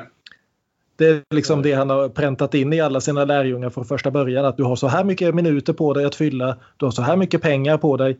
Se till att göra det. Precis. Och se, och se, till, att, se till att folk blir underhållna. Och, och glöm inte vi, vem din publik är. Den mest berömda anekdoten om Roger Corman som jag alltid älskar och därför alltid eh, bara återberättar när vi ändå kom in på det. Jag vet inte när vi får den chansen igen. Är ju att när han eh, filmade sina Edgar Allan Poe-skräckfilmer på 60-talet så blev de en gång klara för tidiga så de hade liksom en hel helg med ett helt så här stort liksom uppbyggd scenografi av liksom ett kusligt slott. Så då sa Roger Corman, men vi hinner ju filma en hel film till här på den här helgen. Så inte liksom all den här scenografin går åt i onödan. Och så drog han in folk och de fick typ mer eller mindre improvisera ihop en film på tre dagar. Som är fullkomligt jävla... Den går knappt att se på. Men den är väldigt rolig. Och den heter The Terror. Och den är världens mest improviserade skräckfilm. För de, Roger Corman hade 72 timmar på sig innan de skulle riva hans scenografi. Ja, Ja, men för att återkomma till filmen. Penelope Spheris lite grann där. Ja, den här filmen har ju faktiskt en handling, på gott eller ont, som vi kan gå igenom. Vi börjar hänga i det här TR, The Rejected-huset. Och Joe, som vi nämnde tidigare, han är ju den gulliga av de här killarna. Får lite kontakt med en, med en tjej, Sheila, som ser ut som Justin Bieber. Precis, som en tjejen från öppningsscenen som bevittnade när en vild hund sprang iväg med en liten pojke. Ja, hon var också på rymmen hemifrån, precis som Ja, Eva. precis. Och sen råkade hon dö, få ett barn uppätet av en hund också. Lite Bara på grund för av att- slarv. slarv för att hon, skulle- hon gör inte mycket för att hindra den här hunden. Som, Lär dig att byta dina egna jävla däck. ja, det är sensmoralen i filmen. Det kan vi ta sen. Ja, precis. Men vi har ju också då att vi etablerar våra antagonister här. Nämligen eh, två stycken eh, Citizens Against Crime. Som bor någonstans i närheten. Och eh, en dag är ute och skjuter ihjäl alla dessa vildhundar som då springer lösa. Och då upptäcker att det bor ett gäng punkare i det här huset. Och kräver att polisen ska göra någonting åt det. Och det här är ändå lite grann filmen försöker att göra liksom lite mer sympatiska vad ska man säga, auktoritetsfigurer här därför att polisen är fullkomligt ointresserade av att gripa ett gäng punkare. Delvis därför att en av poliserna är då Jacks svarta styvfarsa. Mm. Eh, som är möjligen filmens sämsta karaktär. Men- Så jävla rolig! Ja, de gör det poliser inte verkar göra i verkligheten, nämligen att säga ja okej, det bor ett gäng punkare där. Jaha, vi är mer intresserade av att ni springer omkring och skjuter, skjuter vilt omkring er i ett bebott område. But we're citizens against crime. Yeah, most citizens are against crime. We want to look at your papers. Det kan man säga så här att Citizens Against Crime skulle ha rödare kepsar idag. Det är väldigt mycket den typen av människor. Men idag så är det de som skulle vara de nya punkarna. Mm. Ja, för det, var, det var ett kort inslag jag såg på SVT när de intervjuade två ungdomar i Sverige som supportade Trump. Och så här, vilka är de? Och då sa den ena killen att konservatismen är den nya punken. Ja, precis. Ja. Det, det är en ganska spridd replik. Den verkar inte stämma på något sätt som är överhuvudtaget relevant för någon som någon gång har haft någonting med punk att göra. Men Hey, Michael Graves Så- är en proud boy. Ja, nej, men som sagt det har ju alltid funnits en viss flört med högerextremismen inom punken ändå. Återigen, man behöver inte se längre än till uh, The Decline of Western Civilization för att se det. Mm. Så absolut, det ligger någonting i det där. Men ja, det är i alla fall inte det punkarna här står för, även om de hatar bögar och svarta. Utan de, de- fortsätter hänga runt i symboliska ställen och titta på tv-program som säger symboliska saker som 9 out of 10 Americans would perish in a nuclear attack. Och sen så, för, för den går ju liksom lite på tomgång här. Den bör, börjar bygga upp... Det är ju en sån här liksom lite hangout-film någonstans. Den vill att vi ska lära känna de här och tycker det är liksom mysigt att bara hänga med dem i deras hus. För så mycket handling, precis som i Smithereens, men Smithereens gör det mer lyckat, blir det ju inte förrän egentligen sista halvtimmen. Det är väl eh, lite mysigt. De bor i sitt hus och råttor eh, kravlar omkring på fli. Och, och det är ju en rolig scen där i början när någon kallar honom Fli. Ja, just det. Jag tänkte också på det. Att någon faktiskt bara rätt ut säger fel och kallar honom för liksom hans faktiska namn och ingen har brytt sig om att klippa det eller ändra det. Where are we going, Fli? Hey, my name is Razzle. Ja, och de, de kidnappar Evans lillebror så att han också ska komma och bo hos dem. Han är typ åtta. Ska Mm. komma och bo hos dem och få klippt eh, tuppkam och när han, får, han har bara en enda fråga. Do I need to go to school? No. Yay! Ehm, och eh, Sheila, den här tjejen som attackeras av eh, hunden i början, berättar då för sin nya pojkvän att skälet till att hon har ärr över hela kroppen är att hennes pappa brukade spöa upp henne för att avleda sin egen uppmärksamhet från att han ville våldta henne. Vilket känns som ett tema som hade krävt lite mera djupgång i den här filmen. Kanske. Eller hur? Jag känner det också. Jag säger inte att man inte får liksom göra filmer om sådana teman eller något liknande. Men det är verkligen, det finns tre scener möjligen som handlar om det. Så det känns, ja. Nej, ja, jag hade ön- önskat lite mer djuplodande där. Hon som spelar Sheila är inte heller en av de sämre skådisarna ändå. i- Återigen, i det här sammanhanget. Fa- Fast det, we're grading on a curve here. Ja, precis. Men eh, vi, vi får en väldigt bra konsertscen till i alla fall med TSOL. Mm.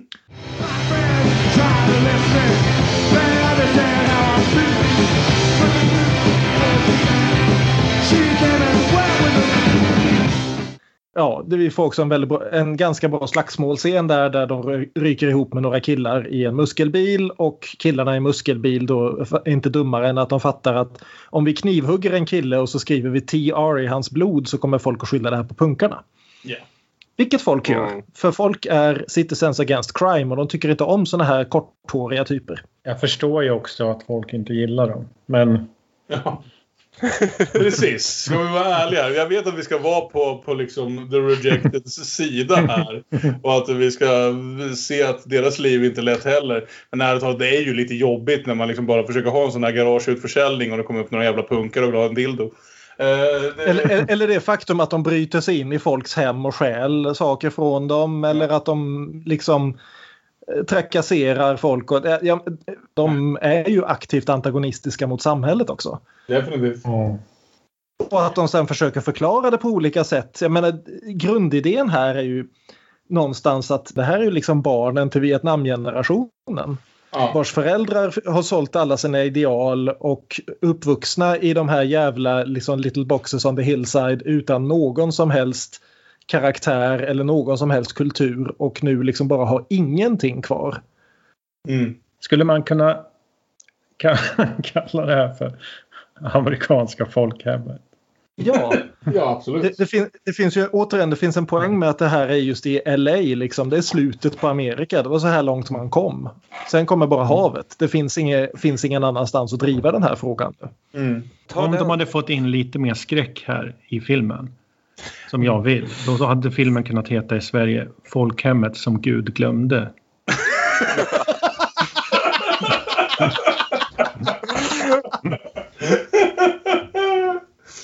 Där har Det hade varit en bättre titel på Det regnar på vår kärlek. Ja, det, det, alltså, och, och någonstans ändå tycker jag att det här är kul. För det är tillräckligt klart att liksom Spheres vet vilken värld hon befinner sig i. Eh, och hon har någonstans rätt i det här att det är förmodligen lättare att göra punkare till skådisar än skådisar till punkare. Så jag menar, looken och stämningen och musiken och allt. Alltså, som, som det är en film som ger en attityd och en stämning och sånt som jag gillar och som gör att jag tycker det här är en väldigt lättittande film. Det är ju först liksom när man börjar titta på de här lite andra sakerna som ni vet, repliker och skådespel och precis hur melodramatisk den kan bli och hur klumpig den kan bli med de här olika liksom plottelementen som man ser bristerna. Men det, det kommer nästan tillbaka till det här Cormanska för mig att jag tycker den här är jävligt kul någonstans ändå. Är det en bra film? Ja, förmodligen inte. Hade jag kul när jag såg den? Jo, det hade jag definitivt. Jag hade jag menar- gillat om de gjorde mer av eh, The Rejecteds eh, verkligt otrevliga sida. Att den liksom fick vara där där i all sin tvetydighet. För filmen går ju ändå över att bli att TR är de egentligen lite snälla och de här Citizens Against Crime, de här The Jocks, sportkillarna som knivar en på konserten, pappan som spöar upp sin dotter. Att det är de som är onda och blir lite klumpig i hur den bygger upp den symboliken. Om hon hade låtit det drivas upp till liksom verkligen två osympatiska, eller inte osympatiska men två stycken ändå liksom antagonistiska grupper mot varandra. Så Bad tror jag att det här... on both sides. Ja, men nu istället så får vi den här extremt, eh, som jag tycker är filmens sämsta scen. Där då eh, Jacks eh, styvfarsa, polisen, kommer ut i huset och försöker prata vett med pojkarna. Och det här är som en parodi på varenda sån här jävla scen i eh, varenda 80-talsfilm där liksom en, den, den hippa läraren ska sätta sig ner med kidsen från The Project och prata om deras framtid.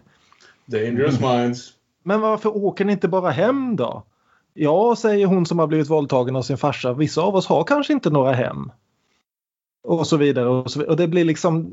Det Ja. blir bara så klumpigt alltihopa. Ja, absolut. Nu tycker jag att vi alla tar och sjunger We shall overcome. Ja, exakt, exakt. Ja, men, men för att ko- komma fram till det här nu så dyker då hund, de här liksom Citizens Against Crime dyker upp mitt i natten för att visa punkarna var, var skåpet ska stå. De grabbar tag i den första bästa de får tag på som råkar då vara Sheila. Eh, sliter kläderna av henne och förklarar att det här är bara en varning. Och nästa morgon så väljer då Sheila att leta upp de droger som finns i huset och ta en överdos. För hon vill inte leva i en värld där män hela tiden sliter kläderna av henne. Och det är ju en sån scen som i en annan film, är liksom, alltså, nu vill jag inte sabba någons gissa den tredje här. Det är inte jättelångt att dra kopplingar från den här till till exempel This is England som gör typ allt det här men tio gånger bättre. Eh, minst. För de ger den här scenen av liksom upp, upp, eh, att när någon upptäcker Shilas döda kropp och inser att hon har tagit en medveten överdos, jada jada jada. Till den sämsta skådisen som har tillåtits ha en sån scen på film. Det är Ja. helt jävla hysteriskt roligt att se honom snubbla sig igenom vad som borde vara en sorglig, dramatisk jävla liksom käftsmäll. What's going on? You and your stupid dope. This is what I think you're dope. What are you doing?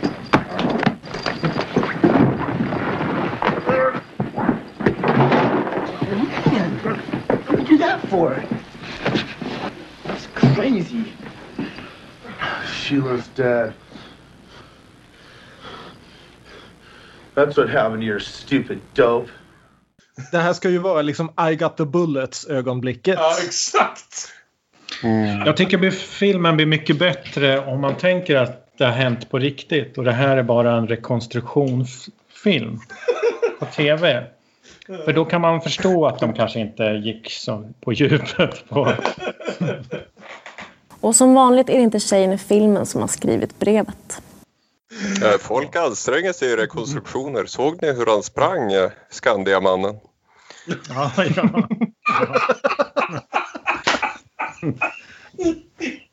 Åh, fy fan vad coolt. Oh. Det, det, det är liksom det är så totalt under och överspelande av alla de här klassiska melodramatiska eh, beatsen.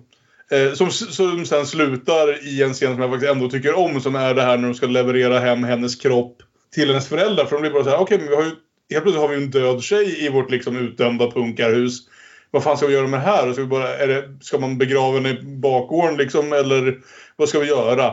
Så de lindar upp henne och bär hem henne till hennes föräldrar som oavsett hur jävliga de var ändå kanske borde få veta att hon inte lever längre. Och här kommer förmodligen... Det finns ju ett, ett gäng snygga bilder rent filmmakarmässigt här. Och jag älskar verkligen den här bilden av när hela gänget står på gräsmattan på det här Suburbia-huset och mm levererar den döda kroppen till, till liksom hennes elaka jävla föräldrar. Som Det ändå... är faktiskt den snyggaste, bästa kompositionen. Där. Ja, det är sjukt snyggt faktiskt till och med. Alltså den andra är ju den här sekvensen som i stort sett... Jag vet inte om det är första gången någon gjorde Reservoir Dogs gången i slow motion hela gänget framåt. Men det finns ju liksom snygga bilder i den här. Lite som en sån Smithereens. Jag känner att talangen ligger väldigt mycket bakom kameran snarare än framför den.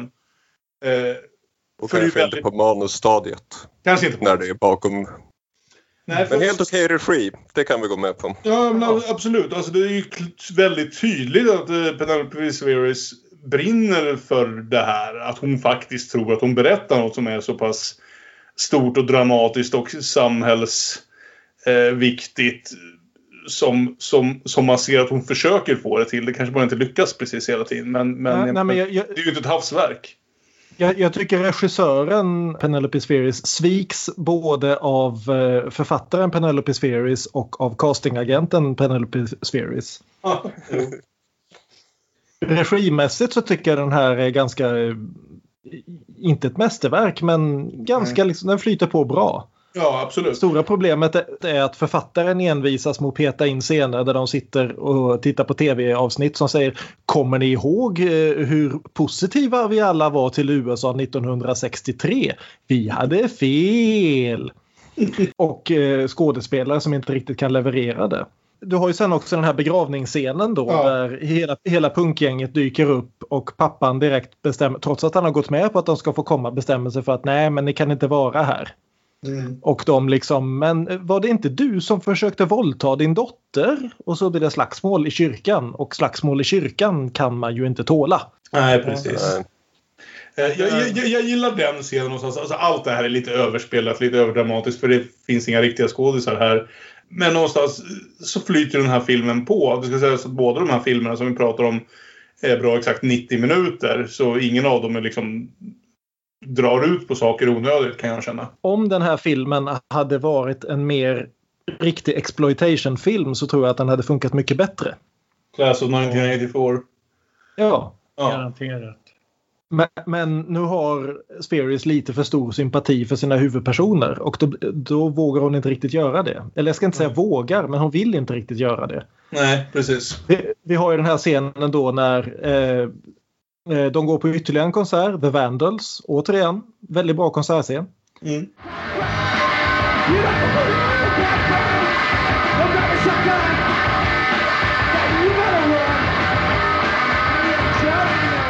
Återigen, Jacks pappa dyker Jack är ju fan skurken i det här alltså. Mm. Hela filmen hade gång på gång på gång allt hade löst sig. Alla problem hade varit lösta om det inte hade varit för att Jack är en jävla rasist som hatar sin styvfar. Trots att hans styvfar tycker om honom, vill hans bästa och att han uppenbarligen är välkommen hem när som helst. Mm. Men. Jack vill inte åka hem och därför vägrar han gång på gång att göra som hans styvfarsa råder honom att göra. Ja, han är ju problemet. För att han har ju en supersnäll farsa egentligen. Ja. He hela de lever bara på att hans farsa är polis också. Ja. De bara släpper det här hela tiden. Ja, ja. Ja. Det var inte så farligt. Mm. Nej men så de får veta i alla fall att nu har ni liksom skitit i det blå skåpet. Nu kommer Citizens Against Crime att komma hem och göra slut på er. Och vi som poliser kan inte göra något. Och Severus gör det, vad jag bara antar är Corman-inspirerade draget. Att bestämma sig för att vi behöver flera scener med de här två jävla rednexen i en strippklubb. Som diskuterar i detalj vad de ska göra. Medan en massa tuttar, vad heter det, skuttar i bakgrunden. Ja, det är ju som roligt hur hon gör det för Corman har ju garanterat gått igenom manuset och skrivit i marginalen kan det vara naket i den här scenen? Precis. Och hur hon liksom använder det för att visa just vilka skenheliga Mm. människor Citizens Against Crime är. just sådana där grejer, jag tycker det är bra idéer. Jag tycker bara att Spheres lite för ofta låter liksom de här, det här bildspråket skriva oss på näsan. Mm. Som det här när punkarna då ska, ja men okej, vi får väl plocka ihop och dra då. Och en av scenerna innan de eh, då kommer ändra sig och bestämmer sig att vi ska fan stanna och slåss. Det är att de tar ner en stor amerikansk flagga från väggen och viker ihop den. Mm. Mm. Det är liksom, nej men vi backar in, nej nej nej, America ends in I can, not in Iran. Den repliken skulle ha varit med. Så det blir storfighting. Eh, Citizens Against Crime får storstryk. Kastar sig i bilen, gör en göteborgare, kommer rytande tillbaka in på gården och just där så ligger Evans lillebror i sin trehjuling och blir överkörd och dör. Och där slutar filmen. Ja. Och där tippar ju hela tornet av övertydlighet. Det, det, jag står bara inte ut med det där slutet. Det är bara för dåligt. Jag, jag, jag, jag, skrattade högt. Jag insåg vart, precis vart det var på väg. Det var någon bild som en sån här typisk insert-bild med för att nu ska ni se att pojken är precis där just Ja. nu. Och jag bara, okej det är här det är på väg. Förstod exakt vad som skulle hända och skrattade högt när det gjorde det. Vilket förmodligen inte var det vad regissören hade tänkt sig, gissar jag. Eh, Jag skrattade inte ens. Jag hade skrattat åt en hel del av det tidigare men där bara suckade jag djupt och... Nej men vad fan. Men man ska bara säga det bara för att vi hoppar förbi. Alltså de bra stunderna är ju det här. För, för helt uppenbarligen är det ju så att Sverris har slängt in ett gäng punkare i ett hus och ibland filmat helt ärliga, liksom, alltså i stort sett nästan dokusåpat det här. De bodde där inne med en massa ruttnande mat och eh, kanske åkte hem om kvällarna ibland och sådär va. Men hängde väldigt mycket i det här huset, blev lite som en familj. Och alla de bästa bitarna är ju saker som inte har med handlingen att göra utan det är ju någon fångar något sånt här liksom ärligt ögonblick människorna emellan. När de i stort sett inte skådespelar. Det finns ingen annan film där du får se Flea från Red Hot Chili Peppers stoppa in en hel jävla råtta i munnen. På riktigt. Bara en sån Det är en fin scen faktiskt. jag älskar den! Den är helt otrolig. Alltså det här... eh, Ja, det är när den fångar såna här faktiska liksom punkgrejer som är precis tangerar gränsen mellan skitäckligt och, och lite gulligt. Ja. Nej, men he hela den liksom eh, sista kvällen innan eh, Citizens Against Crime bryter sig in för att varna dem och allting går åt helvete. Det tycker jag nästan är filmens starkaste scen. Just det här liksom eh, Sheila som läser godnattsagor för Evans lillebror och när han har somnat så ber de andra tjejerna i punken kan du inte bara fortsätta läsa? Ja men barnet har somnat. Ja men ändå kan du inte bara läsa en saga för oss? Och Flea som sitter och hånglar med sin råtta och allt det. Ja men, ja, men det... Finns, finns, finns, finns Ja. en, en scen, jag tror det är i samma sekvens, där de här två andra tjejerna som aldrig ens får namn i filmen men som typ beter sig som 12 fast de är 19. Någon av dem säger något roligt som förmodligen är improviserat. Så att de bokstavligt talat skrattar så de kissar på sig och det var bara något som hände. Och hur ofta ser du det i en film? Det är liksom, det är de ögonblicken som är de bästa ögonblicken. Mm. Och jag tycker att eh, Joe och Justin Bieber-tjejen, vad hon nu heter, de är gulliga. Framförallt när de inte pratar. när man ser, när kameran går förbi och de sitter och håller om varandra så är de ju ett supergulligt litet punkpar. Och konsertscenerna är jätte, jättebra. Så, så det är absolut en film som har sina stunder. Sen kanske man inte har tillräckligt många av dem. Nej, jag menar när man inte gläds åt att se ett barn dö, så två barn dö, så, så är det ju någonting som har gått fel. Första gången. Ja, första var, var kul. Hysteriskt roligt.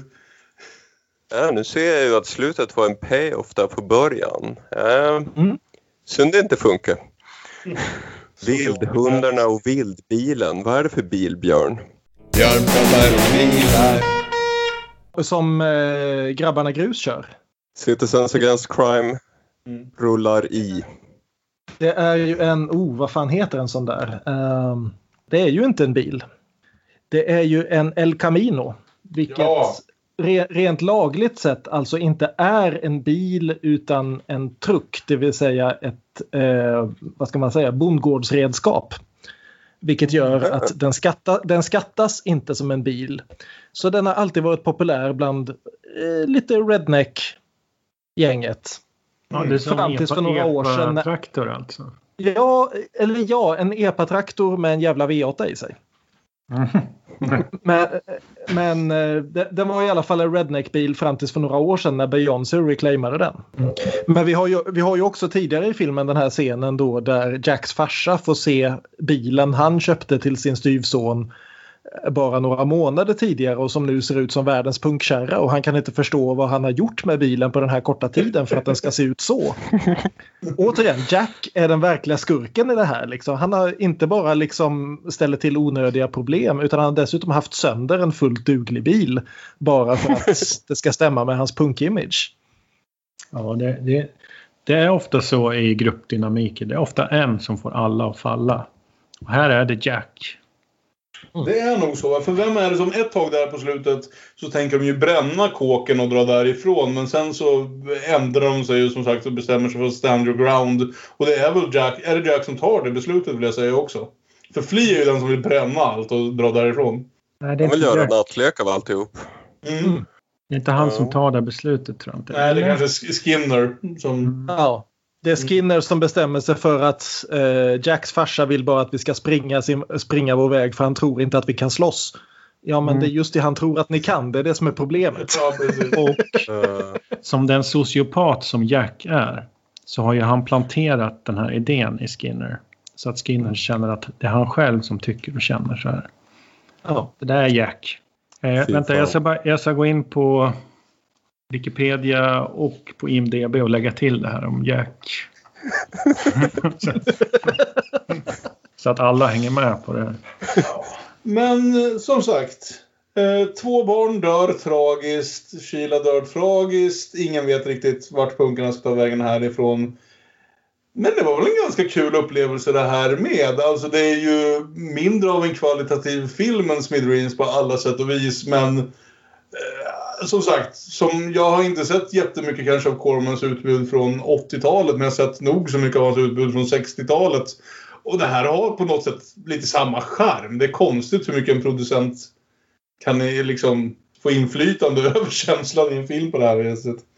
Så jag ogillar inte Suburbia någonstans. Jag erkänner att den har grava brister på de allra flesta fronter. Men, men jag är glad att jag såg den. jo, det är jag med. Ja. Nej, nej men det finns någonstans någonting i filmen som känns äkta. Det här eviga liksom äkthetsgrejen och jag vet vad Aron tycker om det men som sagt det är ju ett litterärt knep, det är vi ju med på liksom. Det att, att få det att gå igenom någonstans är inte helt lätt. Och jag tror att de här konsertscenerna hjälper väldigt mycket till med det. Liksom att få in det här gänget i sin naturliga miljö så att säga. Och jag tycker någonstans att det, jag tycker den är en intressant bild av det här havererade amerikanska folkhemmet. Jag tycker bara den, den hade kunnat klippa två tredjedelar av referenserna till det. Mm. Eller vara lite mer subtil med dem. Istället för att liksom verkligen slå oss i skallen med den hammaren. Men å andra sidan, när handlade punk någonsin om att vara subtil?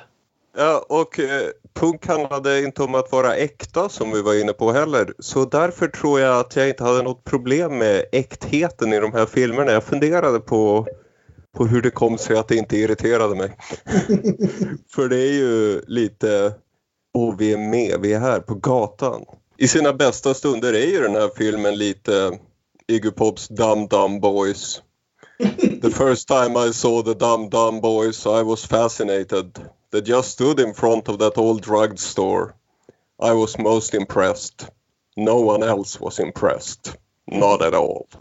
Det som stör i eh, Suburbia är ju den påklistrade handlingen, budskapet. Ja, det borde bara varit mer anarki hela filmen igenom. Ja, folk som Är- står och skriker No future, no future. Och Exakt. sliter kläderna av tjejer. Det är vad jag gillar. Ja, Det är lite så Aron rullar. ja, men jag jag Ja, håller nej, med. Konsertscenerna äkta. Ja. Resten får du ta tillbaks Björn. det man nog bör göra det är att se den här först och sen direkt efter se The Decline of Western Civilization. Mm. Ja, vill du berätta lite mer om den? Uh... The Decline of Western Civilization är ju helt enkelt det är en dokumentär som Penelope Spheres gjorde om punkscenen. Ja, hon kallar det för hardcore-scenen. Jag vet inte om det är alla band i den som skulle räknas som hardcore, även om några definitivt gör det. I Los Angeles gjorde... var det mer att de kallar sig hardcore och i New York var det punk. Ja, precis. Och den är ju liksom punkscenen i LA runt 79-80 ungefär. Mm. Så hon, eh, det är liksom konsertbilder med band som Black Flag, Circle Jerks, Fear, Germs, eh, X och ett par till. Och då blandat med intervjuer med bandmedlemmarna och med slumpmässiga punkare. Så man får se till exempel en 19-årig Pat Smear som försöker flina in i kameran och säga I don't mind hitting girls, I don't like girls. eh, Oj. Det här har jag missat. Eh, så det är ju liksom stora delar av både konsertscenerna och de här då intervjuerna med banden där hon då helt enkelt kommer in i deras replokaler eller lägenheten där de för tillfället bor. Hela intervjun med X görs medan de håller på att tatuerar varandra. uh, och intervjun med Darby Crash i Germs mm. som då är enormt sorglig, speciellt med tanke på att han då överdoserade kort efter att filmen var inspelad och innan filmen hade premiär som ju då är uppenbarligen en väldigt, väldigt uppfuckad människa som inte mår bra av att stå på en scen. Men det är ändå jävla rock'n'roll. mm. Faller den eh, fast i några budskapfällor? Som eh, Ja, mer, mer, mer på så vis att Penelope Spheris försöker ju då ställa frågor till banden och försöka få ur dem några budskap och de för det mesta liksom bara flinar och ser ut som Va? det där har jag aldrig ens tänkt på. Den enda som verkar veta något om budskap och så vidare det är en kille de intervjuar som är redaktör för Slash, ett fanzine. Och som även har ett eget punkband som är med i filmen som ju mindre sagt desto bättre. Men eh, det är jättekul att se till exempel ett Black Flag innan Henry Rollins som försöker liksom prata om ja men var bor ni då? Och sångaren liksom öppnar en garderob i replokalen och visar ja här sover jag.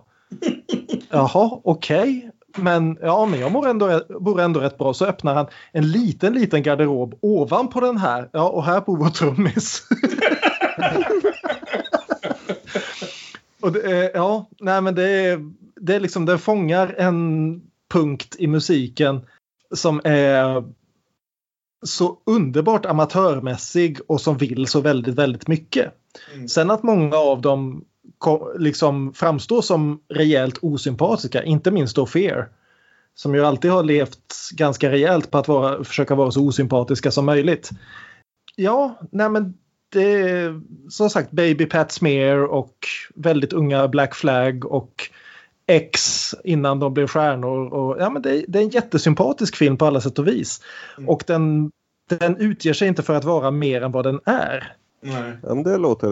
Jag, jag gillar vad jag hör.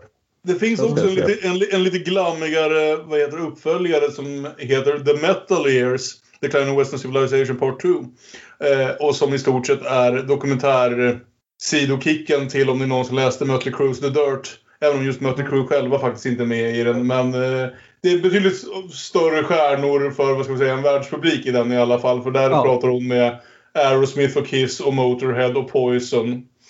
Och Ozzy. Ja. men, men, men jag, jag, tycker om man till exempel såg Shakedown som vi hade ett avsnitt om mm. för ett par månader sedan.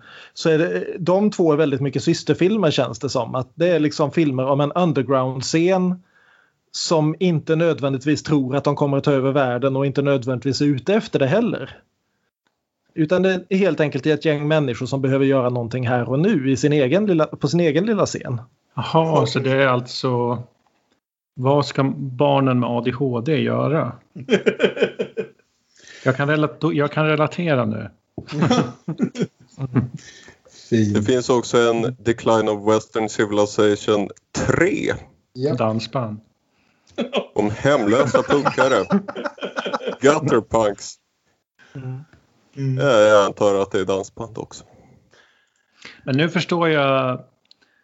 Jag har alltid tänkt att Pat Smear är den snälla i Nirvana. Men de har alltid sagt att han är en crazy legendar som de ville ha med i bandet. Nu förstår jag vart de fick det ifrån. Det var väl mest Kurt Cobain som ville ha med honom tror jag. Dave Grohl och Chris Novoselic trodde, hade liksom väntat sig att det skulle dyka upp någon pensionär. För det var ju ändå liksom det, det, det gick ju sådär en 12 år mellan att Germ splittrades och att eh, Pat Smear kom med i Nirvana. Under tiden jobbade han mest i diverse second hand-butiker som eh, Sonic Youth skrev låtar om.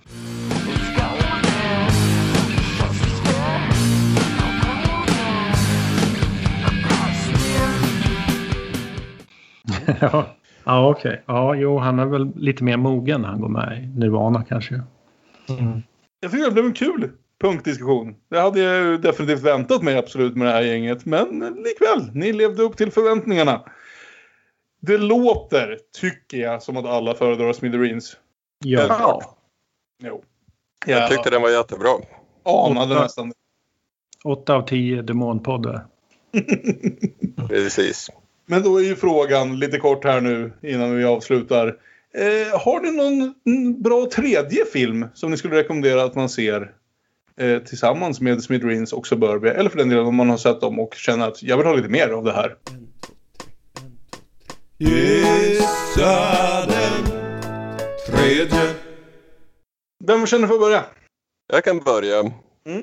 Och ge Danne vad Danne vill ha. Mer skräck i punken. Vi tar Return of the Living Dead. Ja! Yes! Ja, det var ju det man eh, kände att det fattades i Suburbia. Att de döda kommer tillbaka. På jakt Ja. efter brains. Precis. Där sådant står att finna. Punk, punkgänget i Return of the Living Dead känns ju ungefär som punkgänget i Suburbia fast av riktiga skådisar. Mm. Jack hade ju, har vi slutit oss till, inte en smakfull hjärna. Så han hade gått vidare. En överlevare. Lite som eh, Ren. Yes, Jo. behöver, vi pres- behöver vi presentera Return of the Living Dead mm, närmare? Den kom väl 85 Mm. och eh, så ganska tätt in på de här filmerna. Mm. Del av samma eftersläntrande punkare. Originalet då? Säger någon hemma. Nej, det kanske inte finns något svartvitt original Night of till... the Living Dead. Nej, Night of the Living alltså- Dead. Ja. Return of the Living Dead kortfattat är alltså inte en uppföljare till eh, George Romeros Night of the Living Dead utan det är en, eh, vad ska man säga, en, en meta-uppföljare. Den utgår från idén att det som hände i Return of the Living Dead hände i verkligheten fast blev omskrivet för filmen för att han inte skulle bli stämd. Så att de kan etablera att det finns zombies men det funkar inte som i filmen. Aha, okej, ja. Ja, Jag har inte sett den gamla. Ja, den här. Den, Man kan också eh, lyssna på punkbandet Darrow Chemical Company som tar sitt namn från den filmen. Just. Bra band. Vem vill ta härnäst? Kan rekommendera en tredje film. Eh, jag tänkte till um, Suburbia. Mm. Så kändes det här som att, uh, vad Björn var inne på, att de tillrättalade lite att det wholesome och moral och lite plötsligt som man skulle veta vems sida man stod på. Då, jag kom att tänka på filmen Bully som inte har något så mycket med punkscen att göra överhuvudtaget. Nej, men det är ju ungdomar på drift och män i Florida den här gången så får vi ett tredje hörn av USA. Ja, för då, jag tycker det är en bra kontrast att vila lite i det gänget Mm. ett tag. Inte vila då, utan den vill jag väl säga lyckades bättre. Jag har faktiskt inte sett den sedan den var en ny film för nästan 20 år sedan. Men jag vill säga att de skrämmande bitarna av den såldes lite bättre än vad de kanske gör i Suburbia. Jag har faktiskt inte sett om den heller, men den dyker upp i mitt huvud. Den har på något sätt präglat mitt liv sen, sen den kom.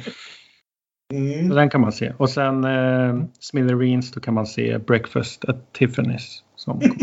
Det är inte Ja, en dålig det det är fast en ganska bra... Ja, Ja. Ja, så det det är är, ingen mina dum, tips. det är ingen dum parallell alls faktiskt. Nej. Good stuff. Ja, Men jag var ju också inne på LA-punkare och lite grann en film som jag älskat ända sedan jag såg den och ser om ganska regelbundet. Och som jag tycker ändå liksom tar det här greppet runt punkkulturen även om den inte är så... Det är inte en punkfilm på samma sätt men den, den har liksom en kommentar runt det här som jag tycker är rätt intressant. Och det är ju då Alex Cox Repo Man. Mm. Med Emilio Estevez och Harry Dean Stanton och alla möjliga andra. Som då jagar en stulen bil genom Los Angeles punkvärld. Som visar sig innehålla utomjordingar? Frågetecken. Men du har den här liksom just Emilio Esteves karaktär som är punkare men måste ta på sig kostymen och gå till jobbet för att han måste tjäna pengar på något sätt. Och du har den här fantastiska scenen då där han råkar befinna sig i en jourbutik just när några kompisar till honom ska råna stället, blir nedskjutna och han måste sitta och hålla sin bästa kompis i handen medan han dör. Och hans bästa kompis säger den här fantastiska repliken att i know a life of crime has led me to this sorry fate and yet I blame society. Society is to blame. Och Emilio Estevez svarar That's bullshit, you're a young suburban punk like me. Och kompisen svarar Yeah, but it still hurts. Och så dör han. Alex Cox karriär som punkfilmmakare eh, det var i princip Repo Man och så Straight to Hell med The Clash of the Pogues och Courtney Love i huvudrollerna. En film som eh, väldigt... Finns. Den finns, ja. Sen dess har han inte fått göra sådär väldigt många filmer. Han gjorde ju Sid Nancy också ska vi säga. Som är ja, det gjorde han. Precis. Ja. Men eh, så absolut, Repo Man tycker jag är den bästa filmen han gjorde och den är en så perfekt spegling av mycket av det som Spheris tar upp i Suburbia. Så ja, vi kör på den. Ja, och för min del då så kan jag säga, jag vet inte om jag kan lika helhjärtat rekommendera den här filmen, men jag tyckte bara det var en för intressant slump. Jag hade tänkt sätta mig och titta på lite filmer av Olivier Assayas, han som nu för tiden är känd eh, som regissör av till exempel Personal Shopper och eh, Carlos Schakalen miniserien och jag pratade om Sommarminnen som min dubbelbull till Söndagsbarn vill jag säga. Hans första film heter Disorder och den skulle jag se i helgen utan att alls veta vad den handlar om. Och tror ni inte ta med fan att den handlar om ett franskt punkband? Som heter Disorder för de vill bli den nya Joy Division såklart. Och eh, de ska de, har för då, de får en chans till en stor spelning, de har för dåliga instrument, de bryter sig in i en instrumentbutik men allting går åt helvete och de råkar döda ägaren. Och sen efter det blir allting väldigt franskt och deprimerande. Det finns inget av det här joie de vivre som man ändå får se lite av i både Smithereens och Suburbia. Utan det blir fransk punk helt enkelt. Av alltsammans. Lite mörkt och deprimerande och eh, ändå ganska snyggt. Och eh, inte så mycket en thriller som man kanske skulle kunna tro av det, liksom, det avstampet. Men det var intressant att jag någonstans ändå fick se tre lågbudget punkfilmer den här helgen och inte bara två. Och jag tyckte ändå att Disorder var en intressant nog film att rekommendera. Mm. Så ingen valde Green Room? Ingen valde, green, ingen valde Green Room, ingen valde This is England som jag ärligt talat är förmodligen de två bästa punkfilmerna egentligen. Men jag tänkte också att de var lite mer berömda. Och Green Room pratade vi om bara här om sistens eftersom Arons har en, vad heter det, Aron ser precis Doppelganger. Ja, precis. Arons doppelganger finns i den filmen. Så man kan ibland tro att man ser scener med Aron om man tittar på den. På tiden då jag var ung och smal och nihilistisk. Mm. Men, men! Det för oss till slutet av veckans avsnitt av Demonpodden. Kom tillbaka nästa gång när vi ska prata om tjejer som får gå i konstiga skolor om jag förstått ungefär vad temat är. Vi ska nämligen titta på Rungano Nyonis I am not a witch från 2017. Och djupt andetag. Lucille Hadzihalilovics Innocence från 2004. Två filmer som jag tycker verkar jättespännande och inte har en aning om vad de kommer vara för något eller hur väl de kopplas till varandra egentligen. Men Olof hänger med oss på den resan i alla fall. Så kom gärna tillbaka då om ni vill titta på dem med oss. Och vi ska säga att de finns båda två på Cineasterna. Vad blir det för musik den här veckan då? Jag är inte alls inblandad den här gången faktiskt. Så det får någon annan ta. Ja, det blir nytt och fräscht. Ja. Vi, vi hoppar i tiden och den här är bara några veckor gammal. Ella Minus. Låten heter Megapunk. Och Vi har börjat lite skissa på det och jag tror vi är något stort på spår. Garanterat, garanterat. Vi tror att det här kan bli vårt genombrott. Vi finns i de sociala medierna. Vi är att Damonpodden på Twitter och Instagram. Vi är Damonpodden med Ä på Facebook. Och man kan mejla damonpodden gmail.com om man skulle känna för det. Hoppas ni tyckte det var kul att lyssna på oss den här veckan. Allt tack till Dan Brännvall. Jättekul att du ville vara med igen. Ja, tack. Det är jag som ska tacka. Tackar, tackar. Och vi hoppas att ni vill komma tillbaka nästa gång och lyssna på när vi pratar om tjejer som går i konstiga skolor. Hej då! Hej. Hej då. Far åt helvete. Fuck det sista. We can't seem to find a reason to stay quiet.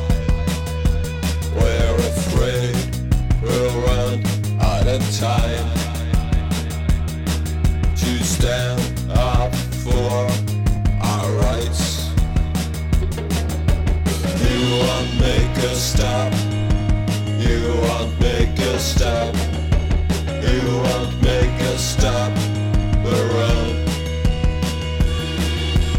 We can't seem to find peace of mind as much as we try. There's no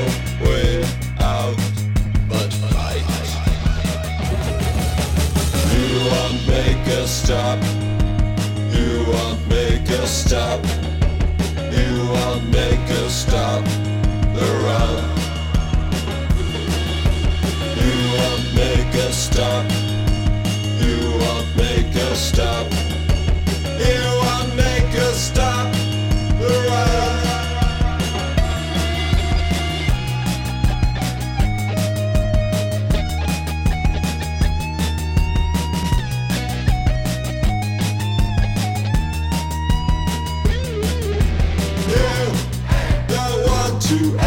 understand.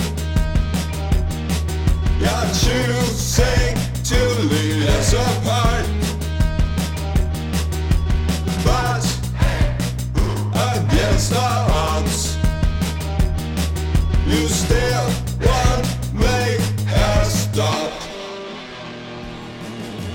You won't make us stop. You won't make us stop. You won't make us stop.